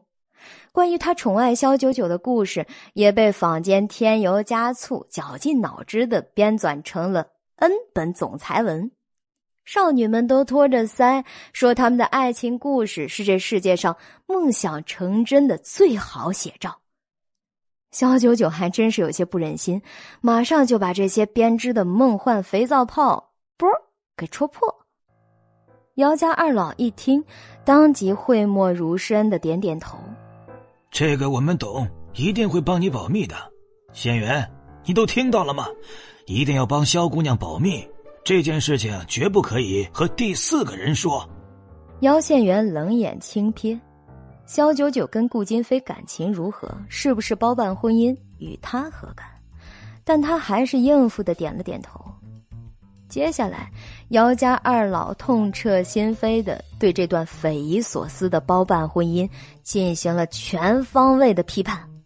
而姚县元在听到他们批判的时候，眼底忍不住微抽。说别人的时候倒是个顶个的强，却从来也不肯瞧瞧自己身上是不是 五十步笑百步了呢？亲，若没有包办婚姻的念头，怎么会一次次的引这个丫头片子过来，还试图给他们制造独处机会，让他们凭空产生出感情来？姚县元对自家父母的心思，真心是不屑一顾啊。而姚家二老说到最后，话锋一转，当即对萧九九道。小姑娘，既然你的婚姻不幸福，那不如离婚吧，跟我家县元结婚，你一定会获得真正的幸福。啊，虽然最后呢，我确实是这么打算的，不过您二老也未必太过耿直了点吧？姚县元脸色愈发的阴恻恻难看起来。他爸妈凭什么笃定萧九九跟顾金飞不幸福，而跟了他就会幸福呢？还有，人家婚姻关系存续期间就让人家马上离婚，这是什么虎狼之词啊！大家好，我是公元之前啊，为了方便记忆，你们这于暖暖由加菲不会飞领衔演播，后期制作陶幺幺。第一百三十三集，萧九九的脑海里不知不觉的浮现出了顾金飞那小狼狗一样嗷嗷可怜的脸。算了吧，最近他受到的打击也挺多的，就不过度刺激他了。哦，这个嘛，呃，暂时还是算了吧，怕惹两边的长辈生气，毕竟这婚事是他们做的主。嗨，有什么生气不生气的呀？傻丫头，像这种事情，我们一辈子见的太多了。你们两家是利益联姻，你家长辈在意的东西，我们姚家都不缺，只会比顾家多，不会比他少。就是啊，傻丫头，何必为了这样的形式婚姻，断送了自己一生的幸福呢？只要你点头，我们马上就挑个好日子，上门跟你家长辈说清楚，让你先离了婚再说。姚家二老越说越是激动，仿佛想要马上拯救萧九九于水火之中。萧九九琢磨，自己嫁到顾家，其实还真的没有受到什么约束。以往住在别墅的时候，每天都是快乐自由的，像个单身女孩。可能姚家二老过分的解读了这桩包办婚姻的内容了吧？再加上姚县元那张臭的不能再臭的脸。虽然他从开始到现在都几乎没怎么说过话，但是肖九九能感觉得出，他本人对自己家父母的结亲意愿几乎是本能的在抵触。所谓强扭的瓜不甜，指的并不是他，而是指的姚县元。谢谢你二老的好意了，只是婚姻大事并非儿戏，离婚也不是说说那么简单的，其中还是有很多的事情需要时间慢慢的解决，所以。还是等我自己解决吧。萧九九盈盈一笑，语气不疾不徐。他都已经等了几百年了，又不差这一世这几个月或者是几年的时间。等到顾金飞耐心耗尽了，离婚的事儿自然也就妥了。姚家二老看着萧九九，表情甚是可惜，更感叹他们没能力马上拯救他于水火。萧九九临走前，姚老先生亲自把一本厚而古朴的书放在了他的手上。萧姑娘，听说你很喜欢这本书，我就把它送给你了，希望你拿回去能好好的待它。姚县元不可思议的凝眉，表情带着些许的错愕。他怎么也想不到，惜书如命的父亲竟然把这本世上已绝版的宝贝书。就这样送给了萧九九，这个来历不明、目的不纯的女人。爸，姚县元终于忍不住开口：“这书可是您的命根子呀，您不再考虑考虑吗？”即便是他亲生的儿子想要开口跟他要这本书，他也不见得会给。然而萧九九只不过是上次来时偶尔看到了，顺嘴提了那么一句想借阅，他的父亲竟然就如此慷慨大方的借给他了。鲜花赠美女，宝剑配英雄啊！东西只有到了适合它的主人手里，才可以发挥出它最大的价值。萧姑娘本就是一个医术奇才，有了这本书，她的医学造诣应该能够更进一步。可是，他在我这个糟老头子手里，根本就是一本不值钱的破书而已。我送给萧姑娘，何错之有啊？姚老先生言之灼灼，态度坚决。姚县元情知已经没有挽回的余地了。他的父亲对待他和对待萧九九简直是天壤之别，双标的令人发指啊！萧九九拿着书，再三表示了感激。虽然这本书是他亲自写的，但是他从未想过还能有一天再看到自己的心血结晶。临走前，姚家二老携着姚县元，整整齐齐的把肖九九一直送到了电梯间门口。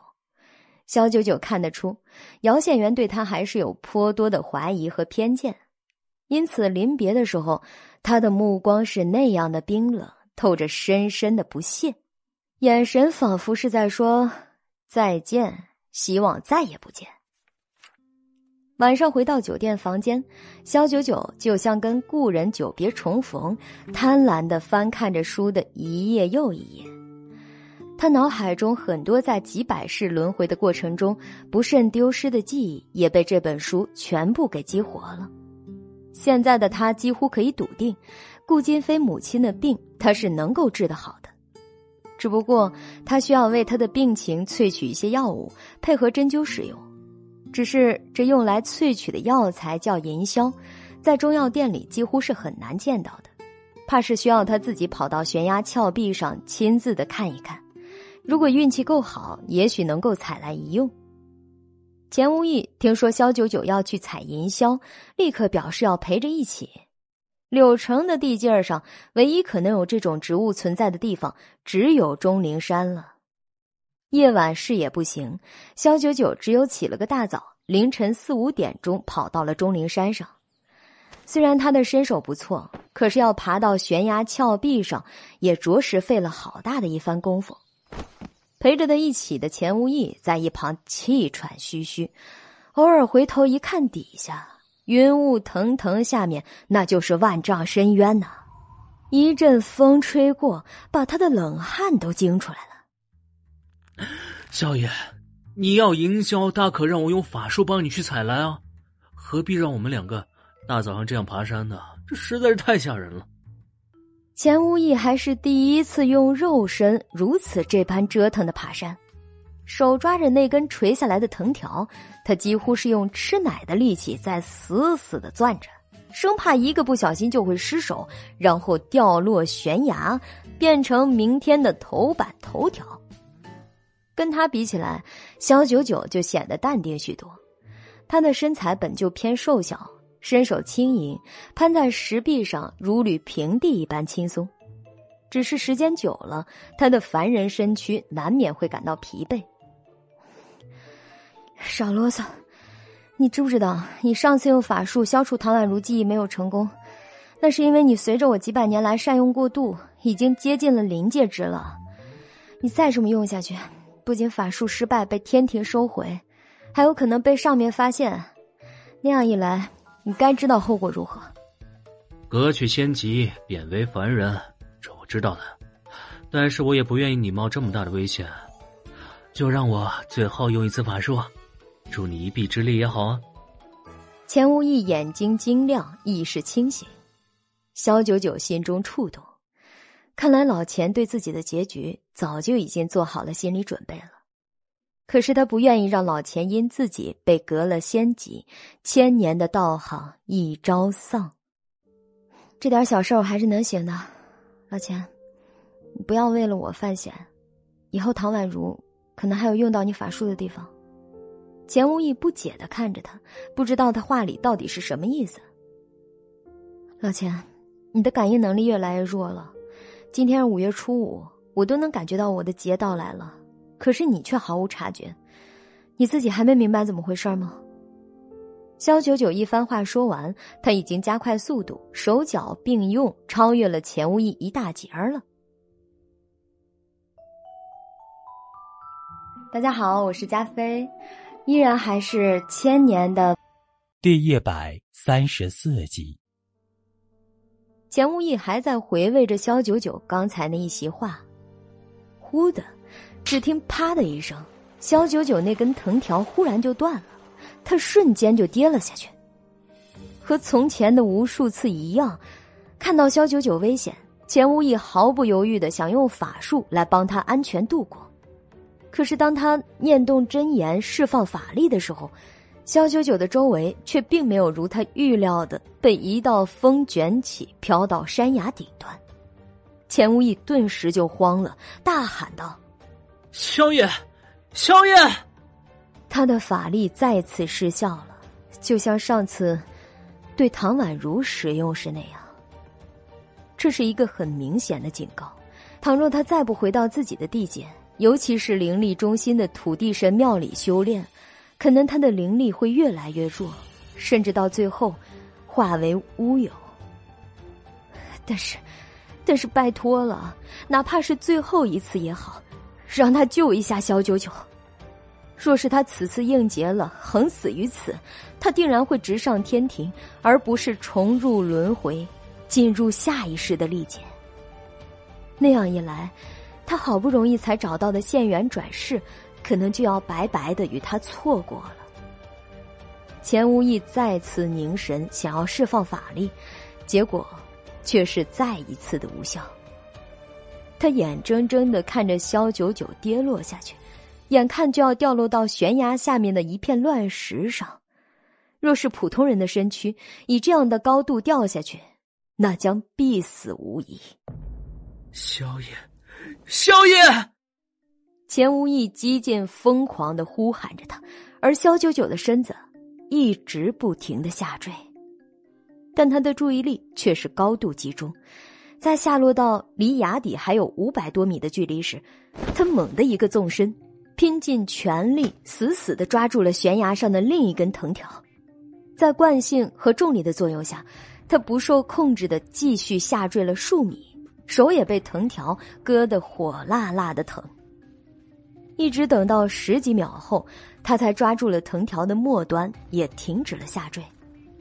可此时，他的手已经是鲜血淋漓，掌心被荆棘般长着利刺的藤条生生的割开了一个大血口子。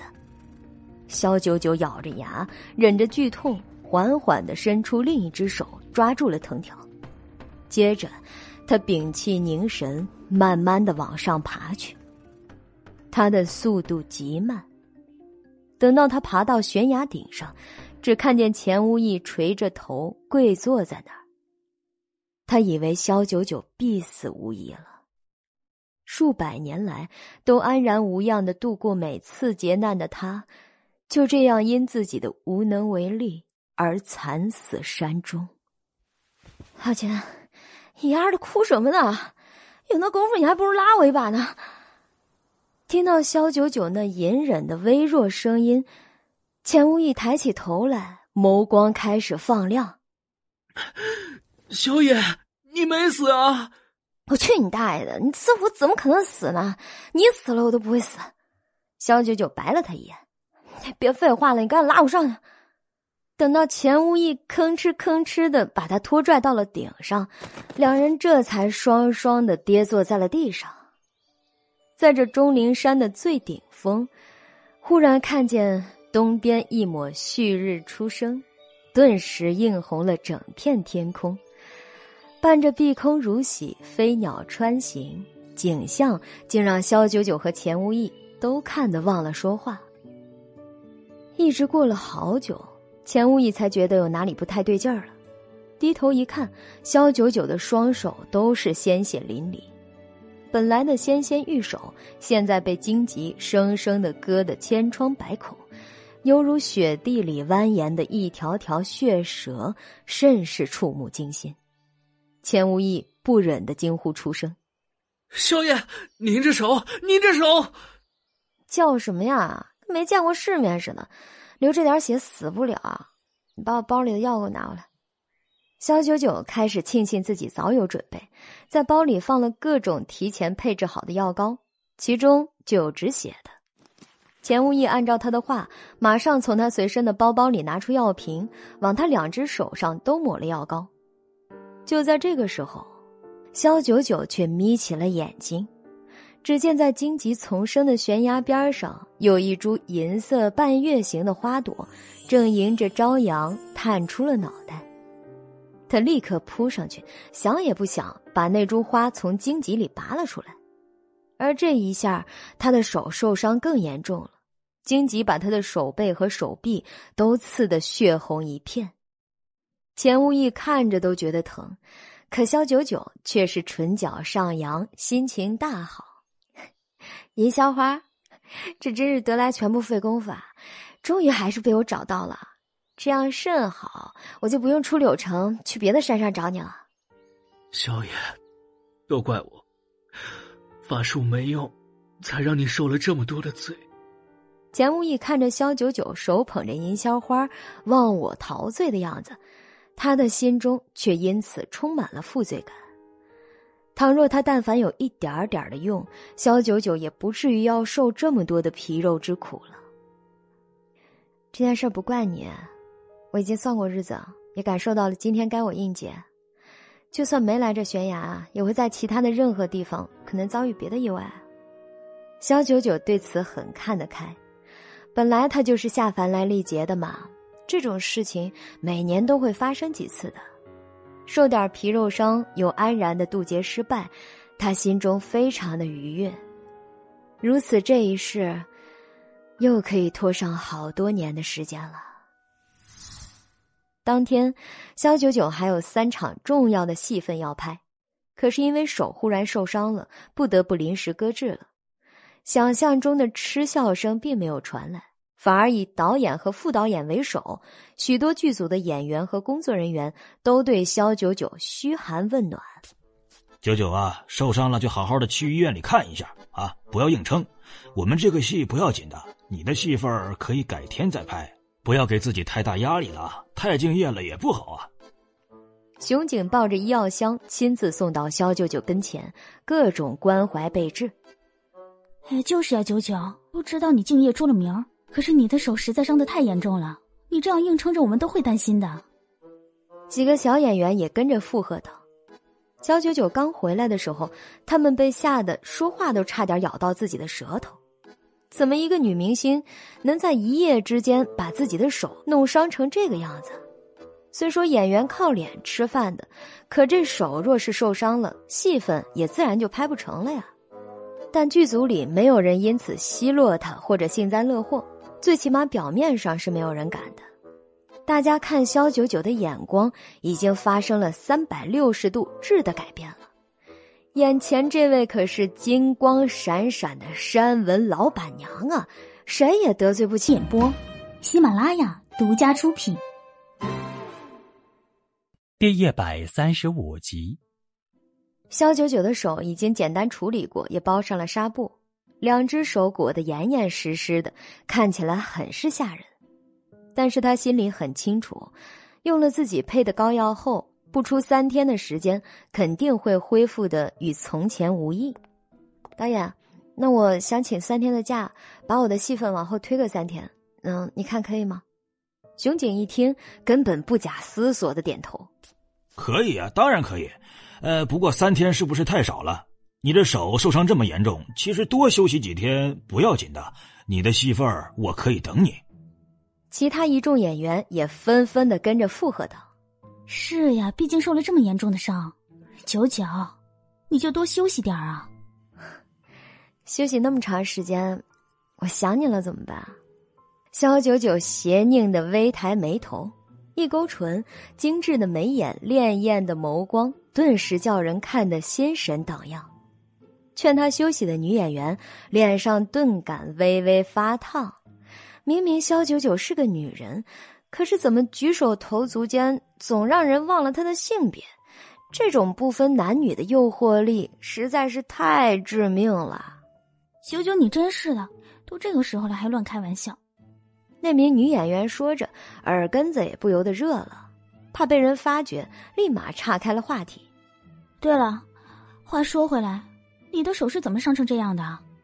一个送命题摆在了肖九九的面前，包括导演熊景和副导演南山在内，许多人都对此百思不得其解。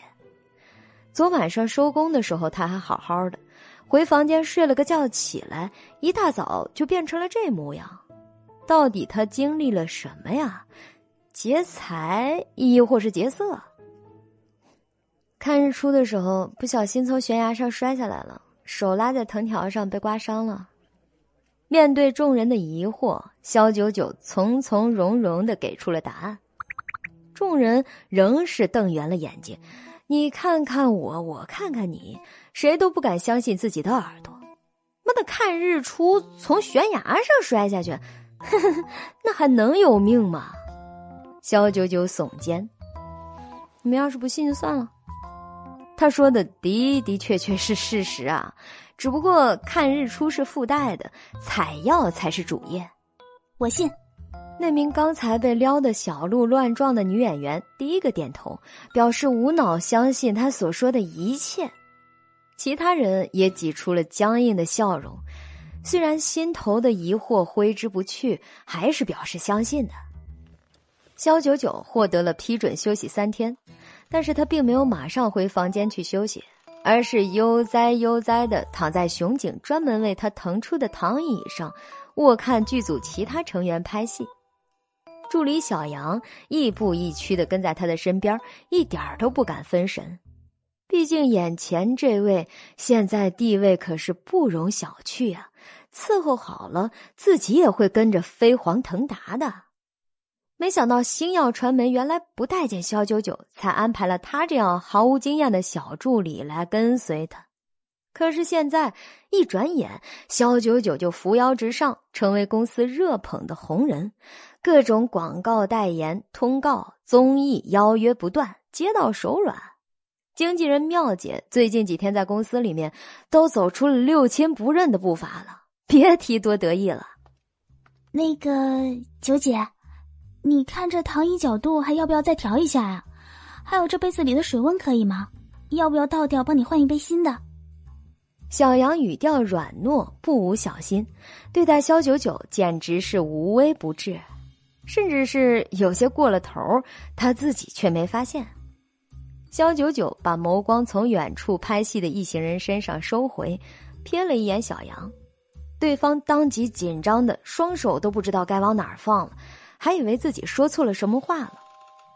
小杨，就你这十分钟，你都问了我第六次了。对不起，九姐，对不起，我只是怕有什么地方做的不够周到，所以才会。小杨连连摆手，不停的解释，甚至一时结巴了起来，一张小脸儿也涨得通红。肖九九叹了口气：“ 你刚进公司，太过紧张了，对待别人这样或许可以，但在我面前你不用这样。从前你是怎样的，现在就怎样，不用刻意的改变什么。”我不会换助理的，除非你太过焦虑、紧张到无法继续工作了。一席话正中小杨的心思，因为他在公司作为新人，一直谨小慎微。近几日看到公司如此器重肖九九，有不少人传出话来说要撤换掉跟随肖九九的小助理，因为他的 level 完全配不上肖九九这样的咖位。而性格内向的小杨又不敢直接去问，只能让自己二十四小时连轴转的关心一切与肖九九有关的事宜，哪怕他被蚊子咬了一口，他都要冥思苦想半天，如何能让肖九九舒服一点。肖九九的话虽然非常的直接，但也打消了他的全部顾虑。小杨这一刻心终于踏实的回归到了原处。同时又开始暗暗的斥责自己，为何不相信肖九九，非要相信公司的风言风语呢？他自责的低下了头。对不起，九姐，都是我的错，我不该那么焦虑。道歉的话我不想再听了，我想要从前的那个小杨，一笑倾城的那个小杨。肖九九打断了他的话，抬手刚想去勾他的下巴。突然发现自己的手裹得跟个粽子一样的，他只能用手臂抬起了小杨的下巴。记住，在我面前做好你自己就好了。还有以后呢，不要叫我九姐，别扭，叫我萧爷。萧萧爷，是。小杨白嫩嫩的小脸霎时红彤彤的，这可是他见过最有个性的女明星了。虽然他就伺候过这么一位。但跟着他舒服自在，这辈子他都不想换人了。肖九九跟助理小杨说话的这个期间，隔着数十米的距离，刚拍完一场戏的韩艺珍也坐到自己座位上休息。连叔今天不在，王可媛便更加热络的贴在他身边，好像一个真正的丫鬟一般。两人刚坐定，就看到肖九九用手臂去勾小杨下巴的那一幕。这个肖九九这几天实在是太得意忘形了，尾巴都要翘天上去了。手残了就用手臂去教训助理，那你看他那可怜的小助理那样，那话都不敢说，一直都低着头。看来啊是被训了很久了。王可元瞥了一眼，语气满是鄙夷。虽说这微博事件最终以顾金飞的一则声明宣告结束，并震惊天下。也让很多人开始对肖九九肃然起敬，但这些人里绝对不包括他王可元。他自认为自家条件可不比肖九九差，凭什么跟那群没眼力见儿的穷鬼一样要去拍肖九九的马屁啊？跟王可元相比，韩艺珍则很少在公众场合发表什么意见，特别是在肖九九和顾金飞的关系被官宣以后。大家好，我是敢敢，在本剧中饰演各种正派女角色者于暖暖，由加菲不会飞领衔演播，后期制作陶幺幺。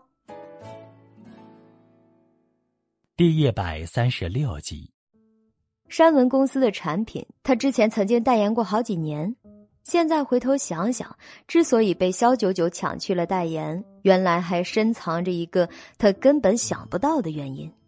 不过韩艺珍却并未因此而感到不悦。知道肖九九真实身份以后，他反而后悔自己没早点知道。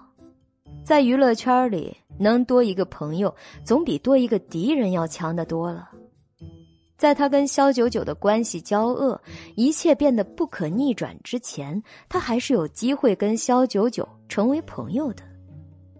何况，曾经最让他介怀的欧若野，从肖九九官宣已婚以后，似乎这几天都没有再找过肖九九了。就连演戏的时候，他也专心了许多，不再动不动的就用余光去瞄肖九九，这让韩艺珍感到讶异，甚至暗喜不已。对于王可元的恶意揣测和诋毁，韩以真破天荒的为肖九九说起了话。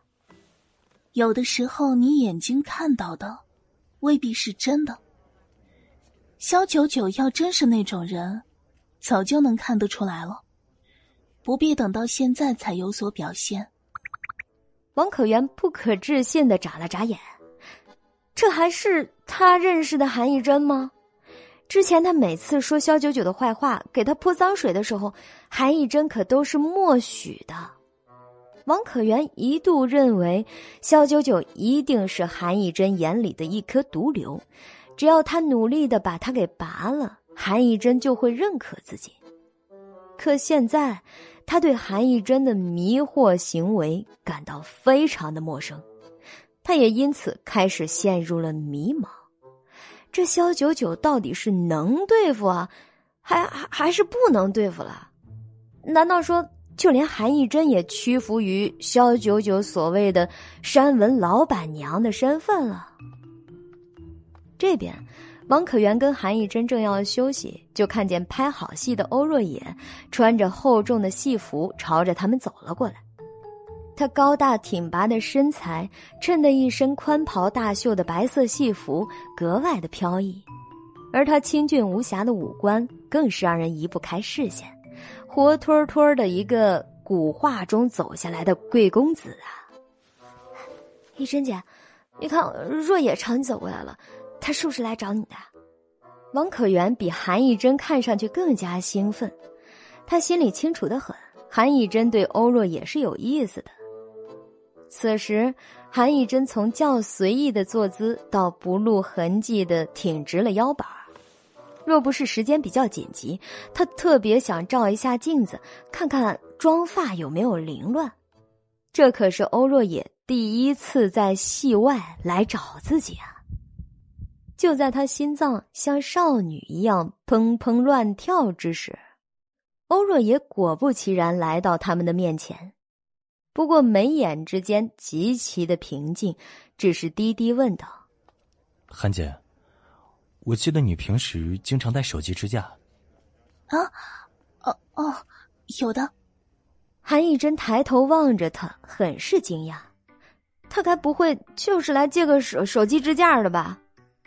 只听欧若野一句话，就把他的心情顿时拉入了谷底。啊。那你把手机支架借给我吧，我拿去给肖九九用一下。哎呀，那蠢女人的手啊，到现在都没法用，我怕她会无聊的很啊。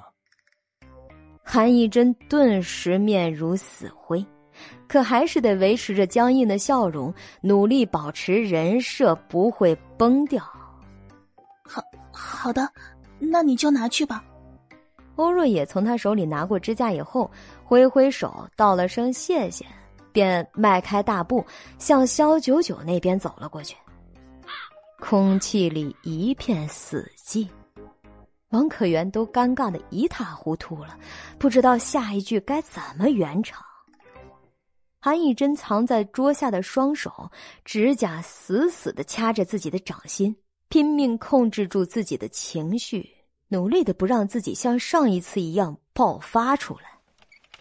直到他再也坚持不住，立刻起身跑向了专属休息室方向，只留下王可元一个人在原地怔怔的看着他离开。肖九九正跟小杨说着话，忽的感到上方的太阳被挡了个严严实实，顿时头顶一片阴翳。与其在这里祸害人家小姑娘，你还不如看看手机呀！今天有荣耀世界的联赛直播啊！看着欧若野把支架放在桌上，并帮自己放好了手机，肖九九伸出了手，朝他点了个隐形的赞。毕竟这双手裹着绷带，动弹不得。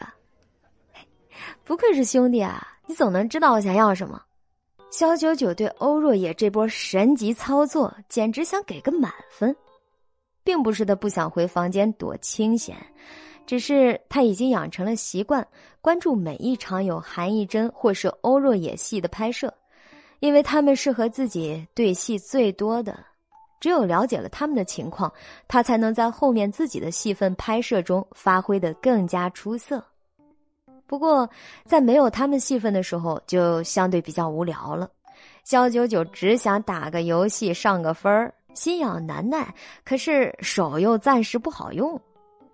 小杨见此情景，特别麻溜的起身，给欧若野让出了旁边的小凳子。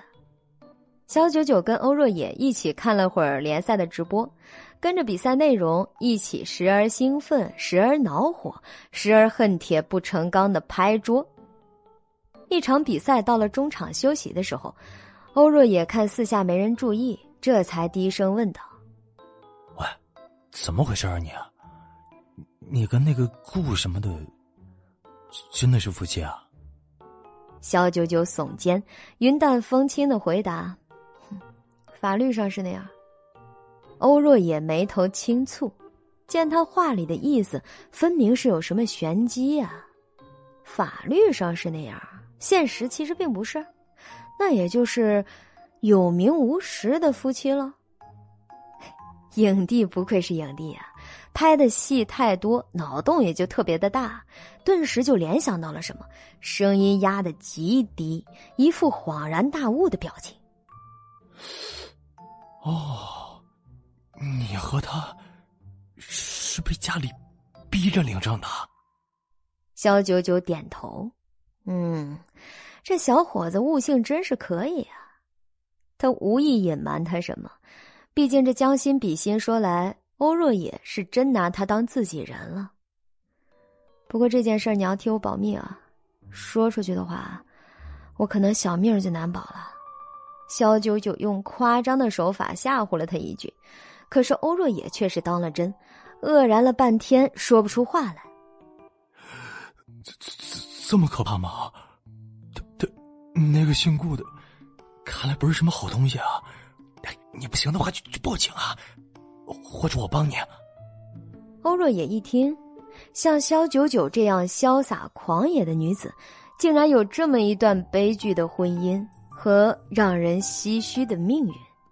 他顿时正义感爆棚，认定了顾金飞肯定为人阴险恶毒，对萧九九用了很多不法的手段。就在欧若野热血沸腾，脑子里甚至展开思考如何救他于危难之中时，肖九九却不疾不徐的说道：“报警有什么用啊？橘子就是他家冠名的。”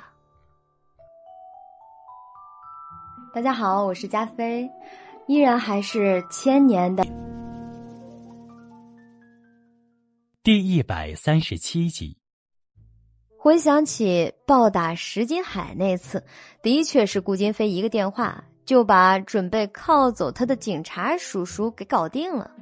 所以说，这警察局呢是他们家冠名的，应该嗯没毛病。嘿。这肖九九是嫁了个黑社会吗？连那个警察叔叔都要听他们的，那不是连是非黑白都能颠倒过来了？还有没有王法？还有没有法律了？这件事儿呢，只能从长计议。我都不急，你也别替我瞎操心了。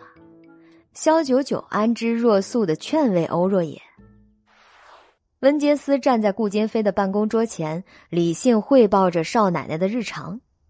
少奶奶今早不知为何伤到了手，两只手都打满了绷带，好像是和剧组请了三天假呀。顾金飞一听，一对剑眉立即蹙起。有这种事，为何不早告诉我？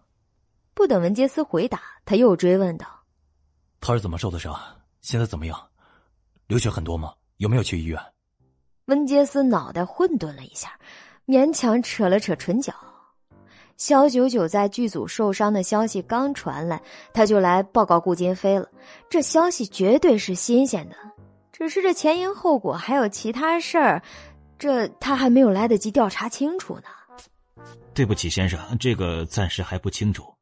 但是据说少奶奶现在已经没事了，剧组的人都看到她在和欧若野打游戏聊天，谈笑风生。顾金飞的脸色更难看了。温杰斯倒吸了一口凉气，这才意识到自己刚才说了什么恐怖的事情。少奶奶又在外面沾花惹草了，还是跟影帝欧若野？两人如此亲密的凑在一起打游戏，以他家先生那脾气，怎么能忍呢？他甚至担心，欧若野估计活不过今晚了。顾金飞一只手支着额头，垂眸看着桌上的电脑良久。他想起上次在咖啡店，肖九九等待期间也是旁若无人的打游戏。看来自家老婆是个沉迷游戏的网瘾少女，无疑了。去调查一下他受伤的事，还有他玩的游戏。文杰斯一怔，随即点头：“马上就去。”剧组收工，肖九九跟着回到了自己的房间。小杨怕他晚上不方便，表示要留下来陪他一起。然而肖九九婉拒了。在不清楚对方卫生是否良好的情况下，他不太习惯跟别人同床共枕。当然，上次唐宛如是个例外。小杨为此还郁闷了好一会儿。然而，等到肖九九要洗漱的时候。他才突然发觉，一个人无法使用双手，真的是太糟糕了。如果强行用手，这伤口势必要撕裂流血，影响痊愈的速度。就在他看着卫生间的洗漱用品，思考对策的时候，外面的门铃忽然响了起来。他还以为又是欧若野来了，正准备打算隔着门叫他别来。可是那门竟然见鬼的被人从外面给打开了，一张熟悉又俊美的脸顿时出现在他面前，是顾金飞。肖九九下意识的凝眉。这么晚了，你怎么来了？还有，你是怎么把门打开的？听说你受伤了，不太方便，我来看看能不能帮你做些什么。至于这门。顾金飞一勾唇，扬了扬手里的门卡。肖九九了然，堂堂顾二少想要通过酒店内部拿一张房卡，那还不是小意思吗？哼，真是日防夜防，家贼难防啊！脑壳疼。肖九九拦不住他，只能官方的假笑。感觉到顾先生一番美意了，可惜我并没有什么不方便的呀。再说男女授受不亲，这个道理你应该懂吧？你放心，我绝对不会对你怎么样，我只是来尽量帮你做一些力所能及的小事而已。顾金飞说着，一双黑眸却死死的盯着肖九九的双手，他的双手裹得跟粽子一样，如果是寻常的伤口，断不会如此。如果不亲自来看看他受伤的情况，他恐怕今晚都无法安然入睡了。肖九九早就发现，他的视线没有离开过自己的手。他轻轻的叹了口气，主动把双手放在了他面前，好让他看个仔细、清楚、明白。而顾金飞却用双手小心的捧起了他的。动作之轻，仿佛托着一双举世珍宝，生怕一个不小心弄疼了他。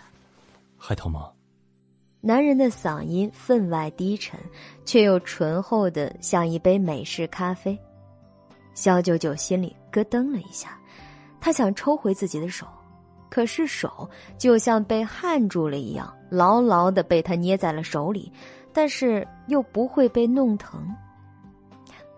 早就不疼了，只要过两三天就会痊愈的，顾先生可以放心了。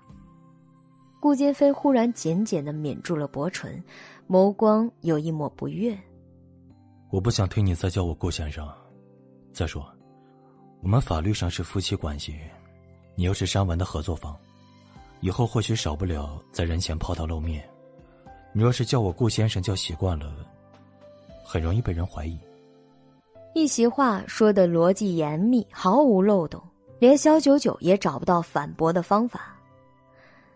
那请问顾先生，希望我人前叫你什么？金飞，叫我金飞就好。金飞，不错。顾金飞表示嘉许，字正腔圆，声音洪亮。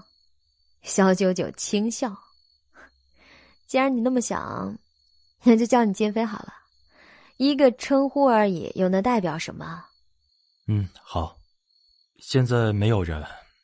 如果你还是坚持叫我顾先生，也随你的便。顾金飞得了便宜，便开始卖乖。肖九九实在是被他逗笑了。没想到堂堂的顾氏集团继承人，私底下竟有如此幼稚的一面。顾金飞也跟着不住的勾唇。心情前所未有的大好。然而，当他环视了肖九九的房间一圈后，眉头又重新的蹙起。这个房间位置太偏了，若是你有什么事情，很难叫人第一时间过来。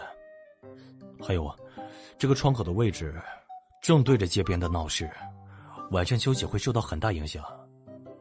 另外，这个房间的格局很乱，卫生间的隔断做的很差。听到他滔滔不绝的批判了一大通，肖九九却是若无其事。这我知道，不过剧组安排的，既来之则安之，没有必要搞特殊化，这样容易拉仇恨的。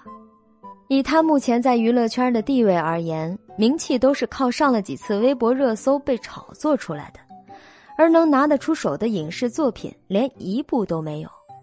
肖九九真正想要的是一部过硬的、让人没有话说的作品，所以在《不灭皇朝》，他行事比较低调，就是不想招摇惹人非议。大家好，我是公元之前啊，为了方便记忆，你们前演播第一百三十八集。不过他没有告诉顾金飞的是。这个房间其实是刚进组的时候，韩义珍叫熊姐特意为他准备的。这些他心里跟明镜似的，都清楚的很。顾金飞听罢，便淡淡的点了点头，随即又问道：“那你现在可以诚实的告诉我，手到底是怎么受的伤吗？”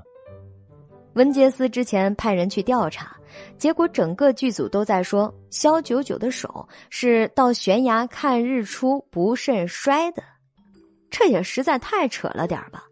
让文杰斯做报告的时候，那都不由得以手掩面呐。我手怎么摔的，大家应该都很清楚了，怎么？难道你还会不知道？肖九九笑意盈盈。顾金飞想要知道这个事儿，调查一下不是轻而易举的事吗？何必大费周章跑到酒店来问他本人呢？顾金飞的唇角不着痕迹的微抽了几下，看来他还是不信任自己，很多事情不愿意跟自己说。这时，他忽然看到窗台上有个小玻璃瓶里插着一朵银色的小野花，貌不惊人。可是颜色却实难得见。这花挺有意思啊，叫什么名字？银霄花，生长在悬崖边上。看日出的时候瞧见了，便带了回来。肖九九笑眯眯的说道：“这种花普通人这辈子估计也是见不着的。”他还挺喜欢顾金飞那没见过世面的样子。顾金飞又盯着那花看了好一会儿，这才收回视线，对肖九九道。行吧，既然你不愿和我说，那时间不早了，我来帮你就寝。嗯，几个意思啊，大哥？怎么感觉这话听起来怪怪的，甚至有些少儿不宜？还没等他反应过来，顾金飞便走到他近前，肖九九双手交叉挡在胸前，做了个叉形的防卫状，但。顾金飞却并未加以理睬，下一秒，肖九九只觉得身体悬空，整个人都被他打横抱了起来。你放我下来，顾金飞！我再说一次，你放我下来！若不是不想手上的伤口重新撕裂，他完全可以一掌劈晕了他。顾金飞把他抱进了洗手间里。作为你的老公，伺候你洗漱什么的是很正常的，不要紧张，慢慢享受就好了。我不会收你服务费的。肖九九开始后悔了，为何前面竟然会对这个家伙心软，竟同意延迟离婚？现在这货开始蹬鼻子上脸，以老公自居啦。顾金飞，我提醒你啊，你清醒一点男女授受不亲，你不要蹬鼻子上脸。你等我，一句话还没说完呢，就看顾金飞把他整个人抱着放在了洗漱台上，接着。他拿了梳子跟发圈，以面对面拥抱的姿势，把他的一头乌发轻轻的扎了起来。虽然他的动作有些生硬和笨拙，但是肖九九能感觉到他的小心翼翼。从头到尾，连一根头发丝儿都没有拽到，就是怕他会感觉疼。这还是他第一次被一个大男人给扎头发。当然，剧组负责妆发的造型师是不算在内的啊。顾金飞一边慢慢的给他整理着头发，一边抚摸着他的头顶，低头轻嗅着他的发香。这还是我这辈子第一次给女人扎头发。嗯，大家彼此都是第一次，扯平了好吗？肖九九浅笑，忽的心中一颤，他为何要笑？接着，顾金飞放下了梳子，看着镜子里的他，好像对自己的作品很满意。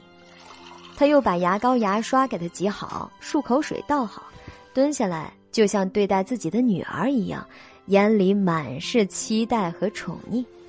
张嘴，我帮你刷牙。肖九九本想拒绝的。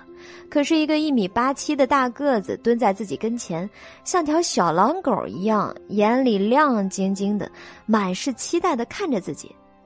他觉得，自己好像被施了法术，那种无法开口说不的法术。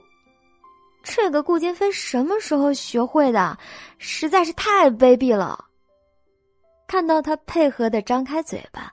虽然表情不是那么的心甘情愿，可顾金飞自动的给忽略了。他开始细心的帮他刷起牙来。喂，嘴巴张开，我要刷里面了，舌苔也刷一刷。那，现在喝漱口水，别吞进去啊。那个细心叮嘱的样子，像极了一个新手老爸。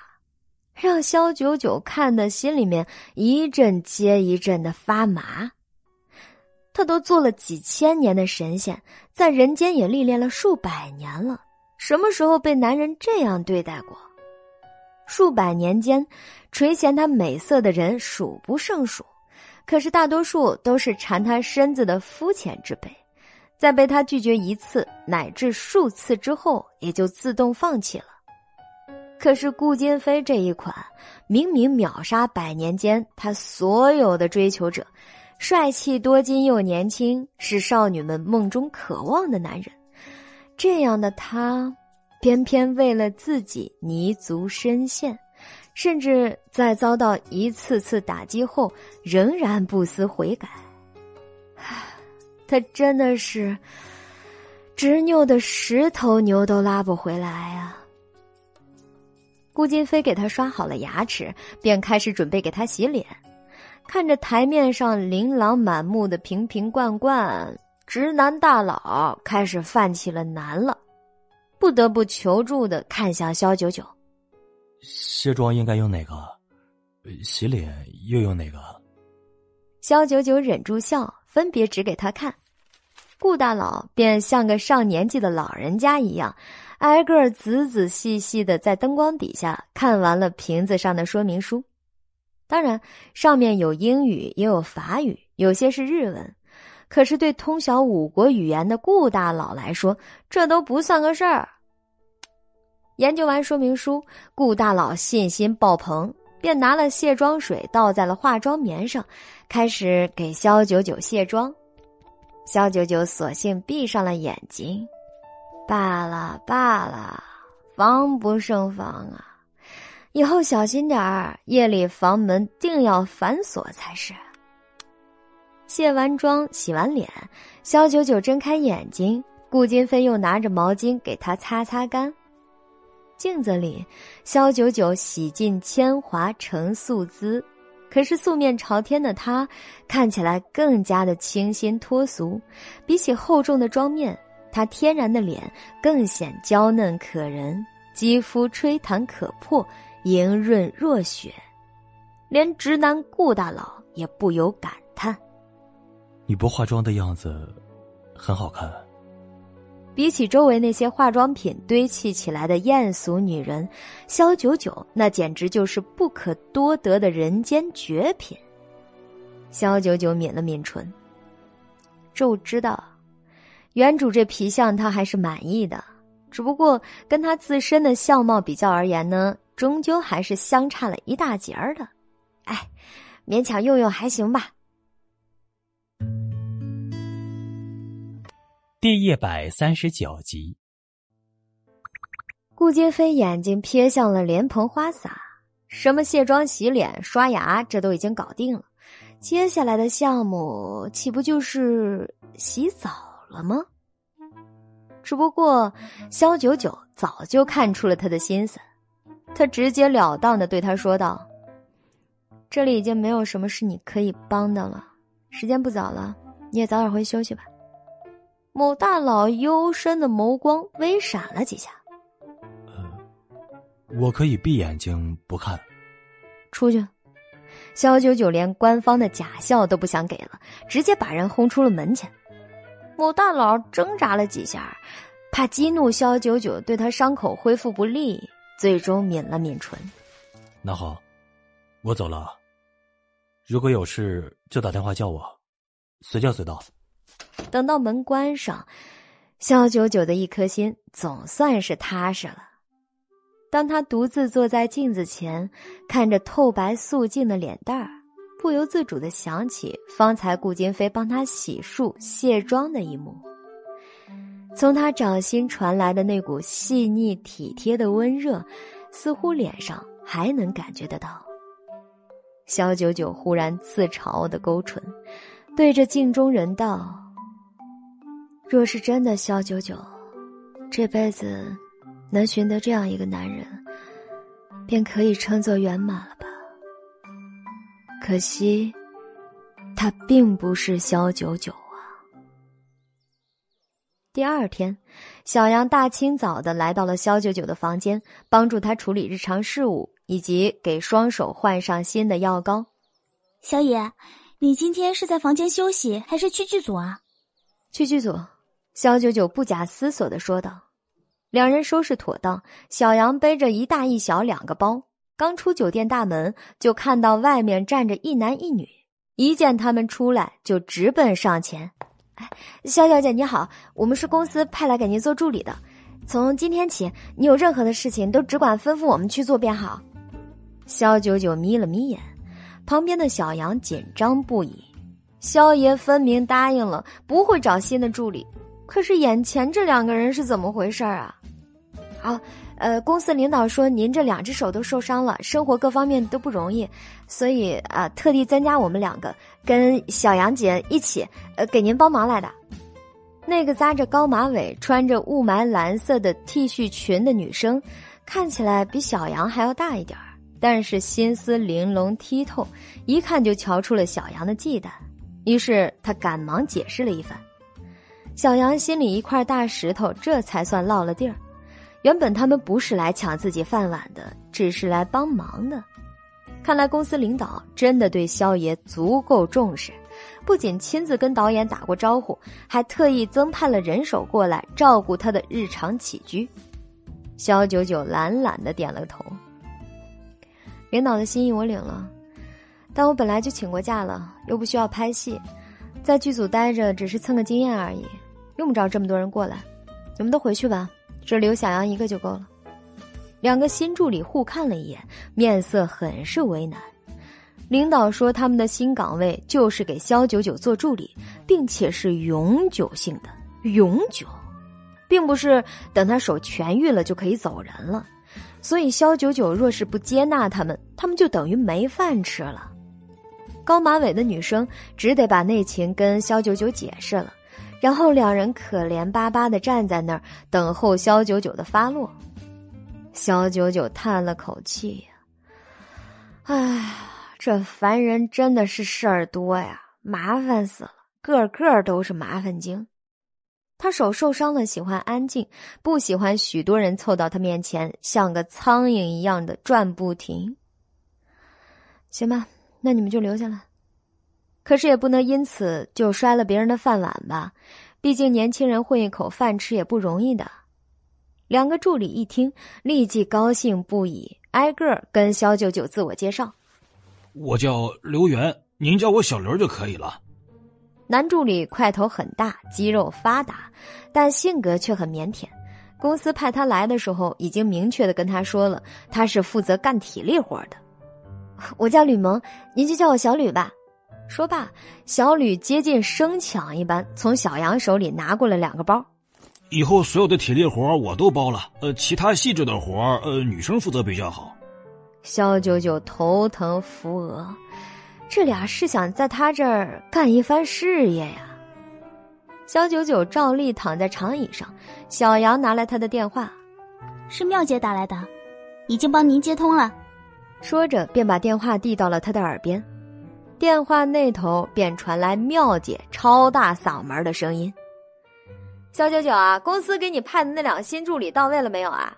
你有什么事儿尽管吩咐他们去做啊。”“嗯，那可不。”公司既然说了，我自然会照做的。”肖九九悠哉的说道，抬眼看了看摄影棚那边，这会儿俩新助理正在那边帮着剧务准备道具，忙得不可开交。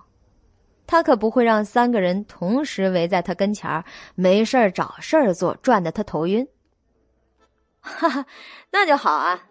妙姐欣慰的感慨，很少见肖九九这么配合。继而他又继续道。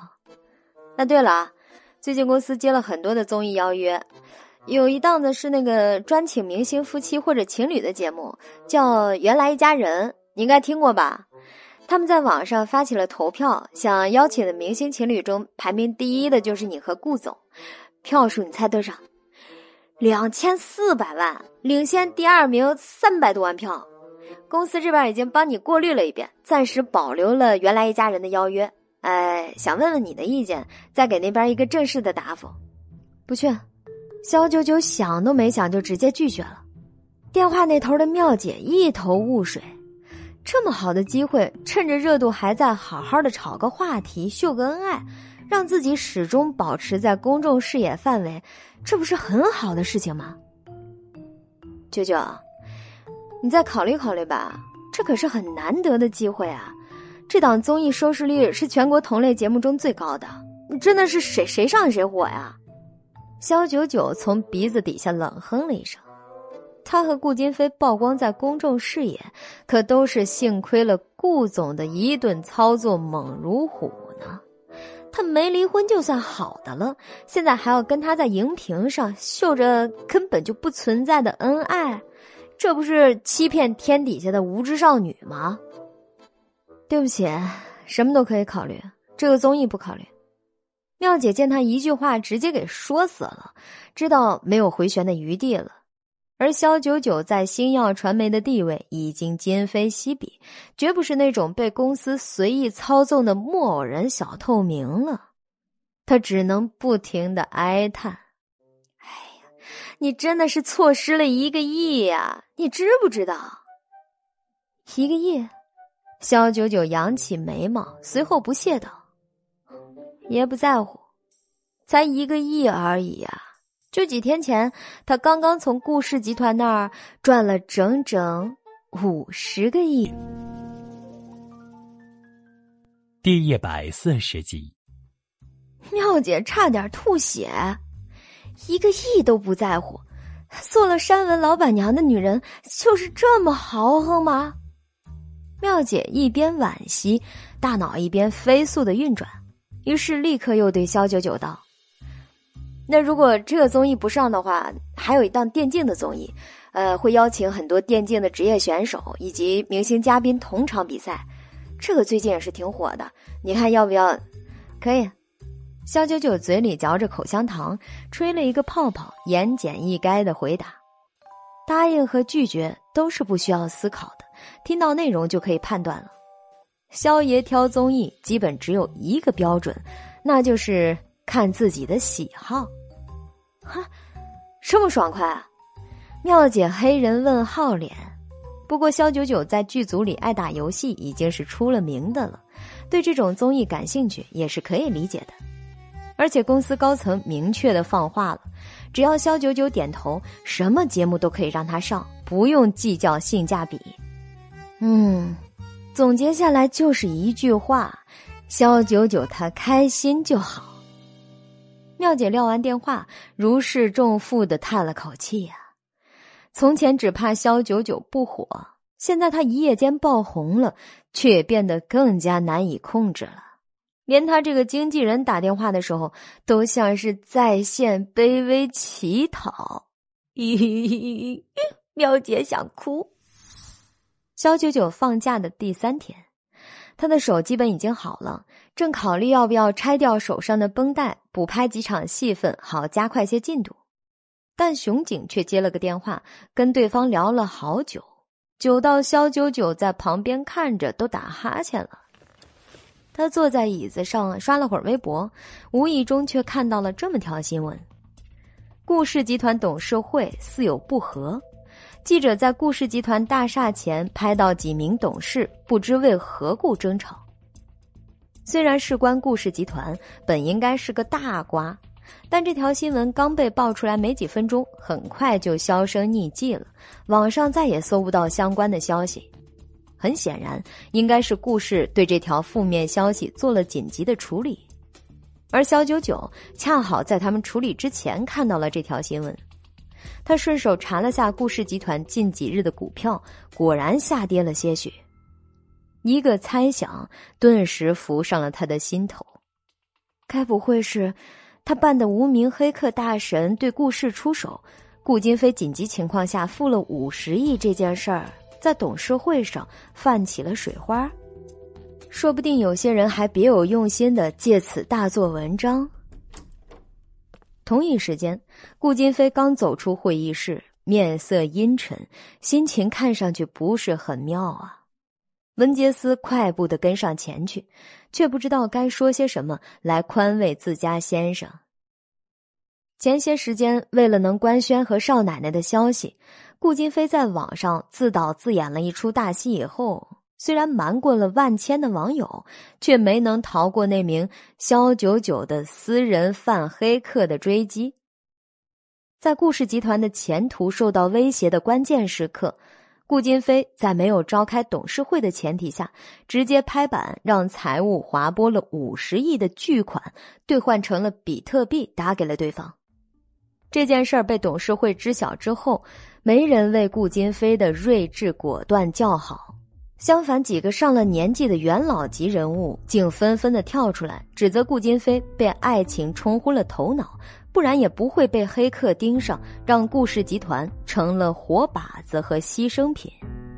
在私人赔款五十亿到公司账户的提议被顾金飞断然拒绝以后，老董事们感觉老脸挂不住了。便当场争吵了起来，会议一度陷入了僵局。回到办公室，顾金飞坐在宽大的真皮老板椅上，把手机扔在桌上，眸光沉冷，薄唇抿得很紧。这个时候，方圆数百米的员工都不敢再靠近顾金飞，因为他们知道，一旦顾总生气，基本上那就是一场毁灭性的灾难。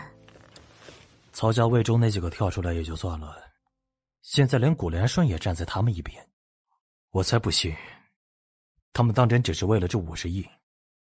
曾经在董事会上坚定不移的支持他的老股东临阵倒戈，这着实杀了顾金飞一个措手不及呀。而持股最多的顾老爷子，偏偏在这个时候去了国外疗养，从而缺席了这次会议。顾金飞有一种不太好的感觉，似乎这场董事会的硝烟背后藏着什么阴谋。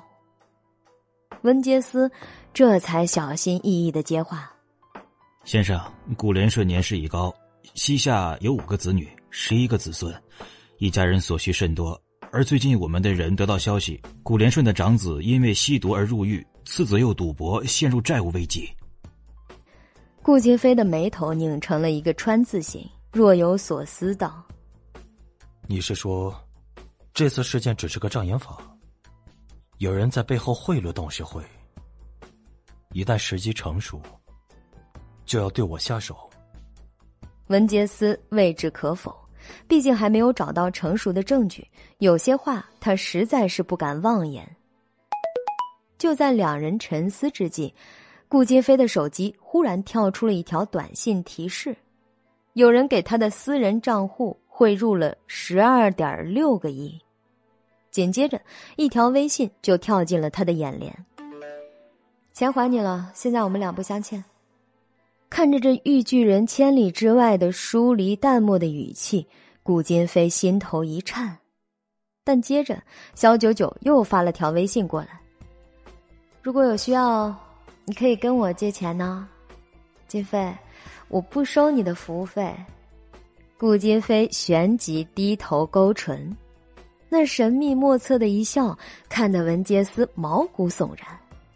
在这个人人自危的时候，竟然有人可以让他家先生笑出来，一个名字瞬间跳进了他的脑海。是了，除了肖九九之外，想必这个世界上。不会再有第二个人能有这种本事了。我都差点忘了，九九还欠我一笔钱。顾金飞敛住笑容，抬眸对文杰斯说道。文杰斯恍然大悟：“您是说那十二点六个亿吗？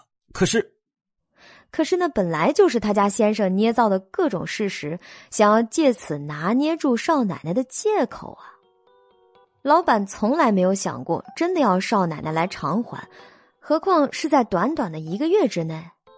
就算他是明星，那压力也挺大的吧？